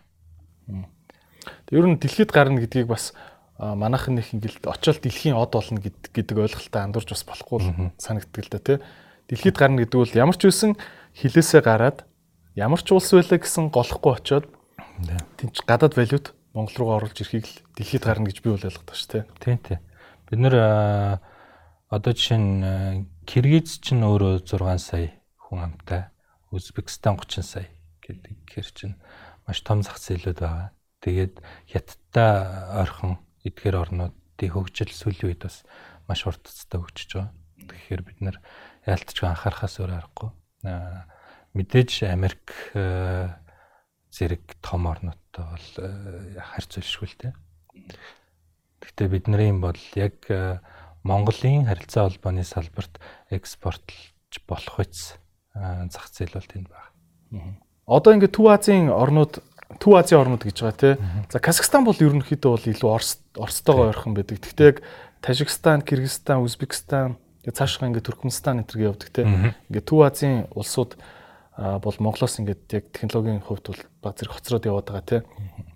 Бас монголчууд үргэлж нэг өөр ингэсэн нэг юм юутай нэг яриа дотроо байдаг штэ бид нар. Аа монголчууд бол өстой барууны ертөнцөөс 200 жилээр хоцорсон явж байгаа. Оо тэрүүгээрээ 500 жил хоцорсон байгаа гэл ингээл бид нар яг үнэхээр хоцроод байгаа мó эсвэл гайгүй зэрэгцээд байгаа мó. Зарим нэг нь гарч ирэл харин ч бид нар өстой тэргүй игнэнд явж байгаа гэл нэг зарим нь ярьдаг те. Аа яг одоо технологийн салбарын хувьд бид нар хаана яваад байгаа юм бэ? Аа аль аль чиглэлийн харьцуулахаас л болох байх л та. Жишээ нь харилцаа холбооны салбар гэвэл бид нар дэлхийн хөгжлийн нэлээд сайн шатнд яв. Аа чин химэл оюухан ч тийм үү тиймэрхүү чиглэлүүд рүү бол бид нар мэдээж хоцорч байгаа. Тэгэд ерөнхийдөө нийт том зургаараа бол нэг 10-аад жил энэ хойно яваа бол гэж бодож. Нэг их айхтар хоцроогүй. Бидний ер нь нөхөж авч чадах үс том салбар бол IT дээр байгаа. Бусад салбарууд бол нэлээд олон жилээр хоцорчлоо шүү дээ. Дэлхийн хөгжлөөс. Ялангуяа одоо нарийн үйлдвэрлэл технологи хөгжүүлэлт энэ төр гэдэг салбарууд бол бүр маш их сурчлаа шүү дээ. Биотехнологи энэ төр бол хэцүү байх л та. Гэхдээ гүцнэ би бол нэлээд оптимистик гэдэг шүү дээ. хичээгээрээ. Нэг үе те нэг нэг үйл гүрэх хэрэгтэй болох л та те. Тэгж бод те. А за энэ блокчейн технологи гэдэг ингээд ингээд их сүүлийн үед ярьж байна. Блокчейн технологи юусоо бүх салбар руу орж байна те. Харилцаа холбоонд ч байгаа эрүүл мэнд боловсрал ерөөс бүх юм санхуд ялангуяа блокчейн те. Санхүү руу ороод ирэхээр крипто крипто болж хувирчаад байгаа те. Энэ блокчейн гэдэг айхтар технологи харилцаа холбооны салбар руу яаж уягд уягдахаар байна. Энэ технологид өөрөө итгэдэггүй те. Энэ үнэхээр дараагийн том дэлхийн ертөнцийг тодорхойлох зүйл мөн үү биш үү юу гэж бодож байна. Э мэдээж итгэж байгаа. 100% итгэж байгаа. Энэ бол яалтчгүй дараагийн дэлхийг өөрчлөх технологийн хэдхэн том зүйлсийн нэг нь крипто, блокчейн. Аа нөгөө одоохонд бол coin moin бол энэ ч хүмүүс нөгөө мөнгөний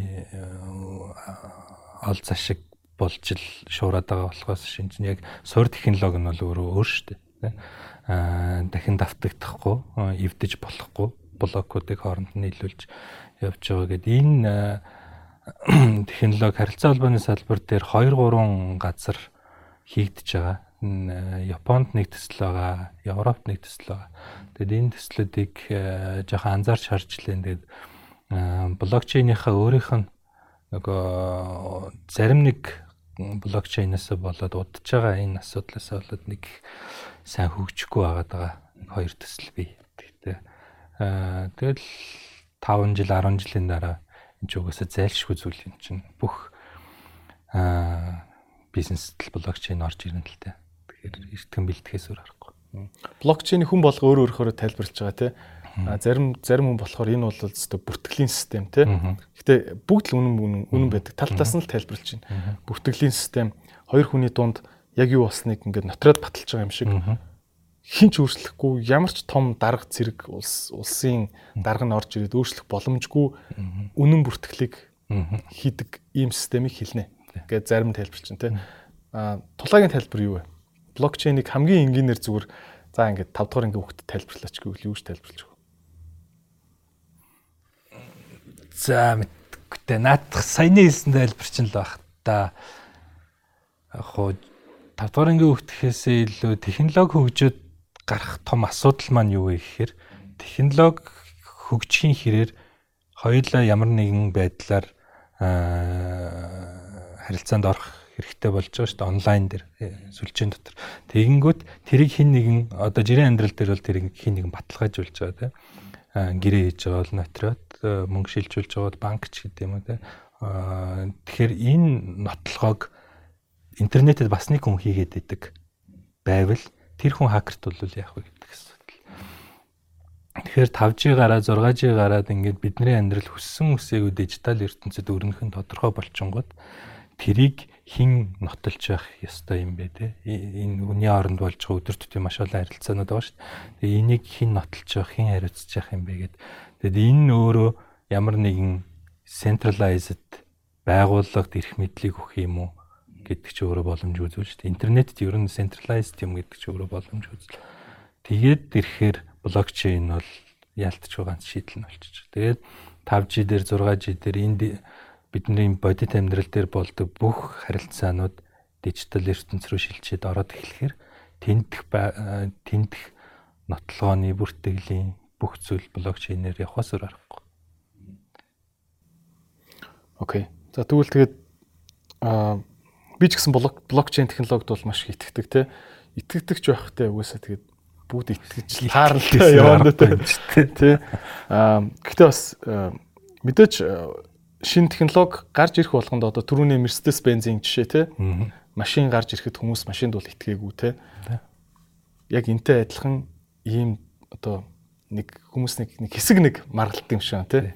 Хүмүүс тэр нэрэн дээр нэг ачаал бүгдл өгöd ит юм а одоо чинь биткойн гэдэг юм байхгүй бол биткойн бол мөнгө биш юм шиг л нэг юм яриад штэ гэхдээ эн чинь өөрөө тийм үзэл санаа байхгүй. Ийм мөнгийг ингэж орлуулж болно. Тэгээ value-г ингэж бие биендээ шилжүүлж болдгоо гэдэг. Тэгээ биткойн байхгүй бол болно нэз. Биткойны араас мянган мянган дараагийн биткойноор гарч ирнэ. Аа тэрүүн шиг зарим хүмүүс Facebook байхгүй болчвол энэ хорвоо ертөнд сайхан болчихно гэж ярьдаг байхгүй. Тэгээ Facebook алга болоход ард нь дахиад Facebook шиг мянган мянган платформ зөрөөл гараад ирж. Тэгэхээр энэ чинь хүний майнд өөрөө ингээд нэгэнт өөрчлөгдчихөр энийг угаасаа буцаах ямарч боломжгүй л дээ. За тулг захирлаас за хоёулаа нэг оюутан дүүд зөвлөгөө гэж бодъё те. Карьераа шийдэх гэдэг. За ингээ харилцаа холбоо IT гэдэг хоёр зүйл одоо бүр ингээд гар гараа барилцаад ингээ баг гэдэг нэг юм хайбрид машин гэдэг шиг те. Ийм зүйл болцсон юм байна. Тэгвэл энэ салбар дээр өөрийгөө хөгжүүлэе гэж бодож байгаа оюутан хүүхэд байлаа гэж дээ тий. Дүнгэж нэгдүгээр курст орох ч байгаа. Аа ер нь өөрийгөө яг ийм харилцаа холбоо мэдээллийн технологийн мэрэгчлэн хүн болгож бэлтгэхийн тулд ямар ямар үе шатуудаар бэлтэх вэ? Эртнээс юуг бодож явах хэрэгтэй вэ тий? Чи одоо зүгээр нэг 18 настай дүүдэд зөвлөгөө өгч ийн гэж бодоод зөвлөвөл юу гэж хэлэх вэ? Аа харилцаа холбооны салбар өөрөө нэг төвхтэй юм байдаг нь маш том лаборатори шаарддаг. Тэгэд э, энэ нөгөө санаж байгаа бодож байгаа юм хэрэгжүүлэхэд одоо жишээ нь дуудлага хий тэ мессежний систем хийж үзье гэхэд энэ өөрөө их том лаборатори хэмжээний шаардаад идэг нь жоохон төвхтэй. Тэрнээс зөвхөн ганц компьютераа бариад ингээ шийдэд идэх асуудал бас биш л те. Аа миний хувьд бол нэг азтай дөнгөж ажилд ороод нэг 2 жил болж явах үед G-Mobile компани нэг босголцох ажилд ажиллагдсан. Тэгээд тэр хэдэн жил бол яг ингээд харилцаа холбооны баг бүх хэсгүүдийг ойлгох том лаборатори ажил болсон байхгүй. Тэгэхээр үнэхээр харилцаа холбооны чиглэлээр яг энэ чиглэлийн IT-гаар суралцъя, ажиллая гэж бодож байгаа залуучууд байвал том компаниудад орж үз. Тэ яг энэ харилцаа холбооны чиглэлийн компаниудад нэг 5 жил ажиллаад үз.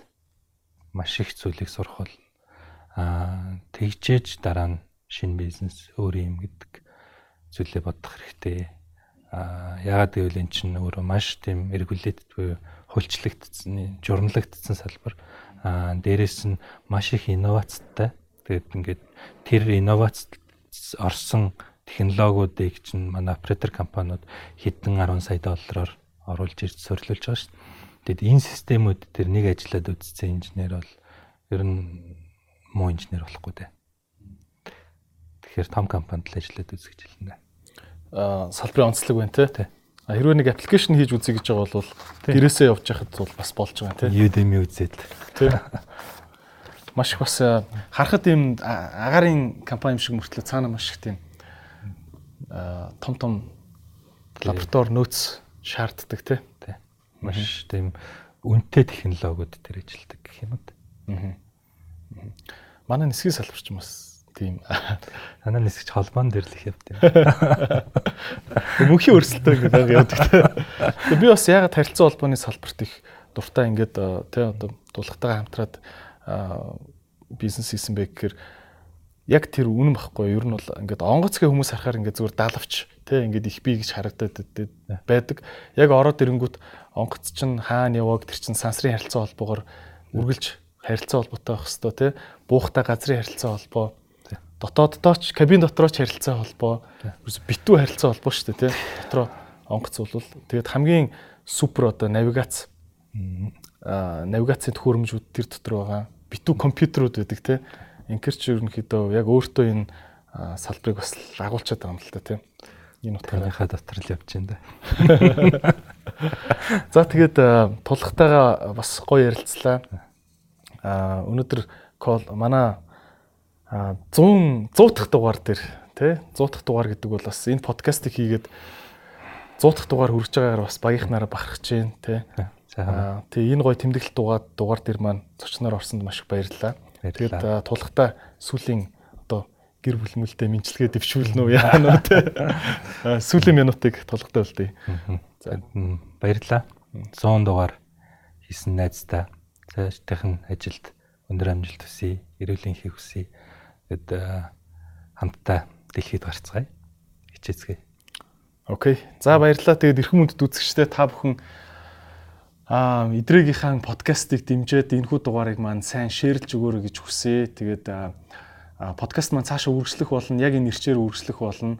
Аа тэгээд манай подкаст дээр 100 дахь дугаар дээр бас та бүхэн зарлах гой мэдээ байгаа нь манай подкаст орсон бүх дугааруудынхаа доотлолт нь хэддэх минутан дээр ямар сэдвэр ямар асуултууд асуусан бэ гэдэг бүх одоо энэ тайлбарууд нь ороод явж байгаа. Тэгэхээр өмнөх дугааруудаа хүртэл бүгдийг нөхөд хийн гэсэн үг. Тэгэхээр манай өмнөх дугааруудыг үзэж амжаагүй хүмүүс байвал ороод яг хэрэгтэй хэрэгтэй гой гой асуултууд нь хаана вэ гэд шууд үсрээд үсрээд үзэж болдог болж байгаа. А мөн бүх дугаар дээр маань хамгийн хүнд хүрсэн гой хэсгүүдийг нь оруулсан 20 минутын хувилбар, богино хувилбарууд бас дахин гарч байгаа шүү. Тэгээд эдрэгийн 100 дахь дугаар эдрэгийн подкастын 100 дахь дугаар зочноор Colpro компани үүсгэн байгуулагч захирал Гандавын тулг оролцлоо.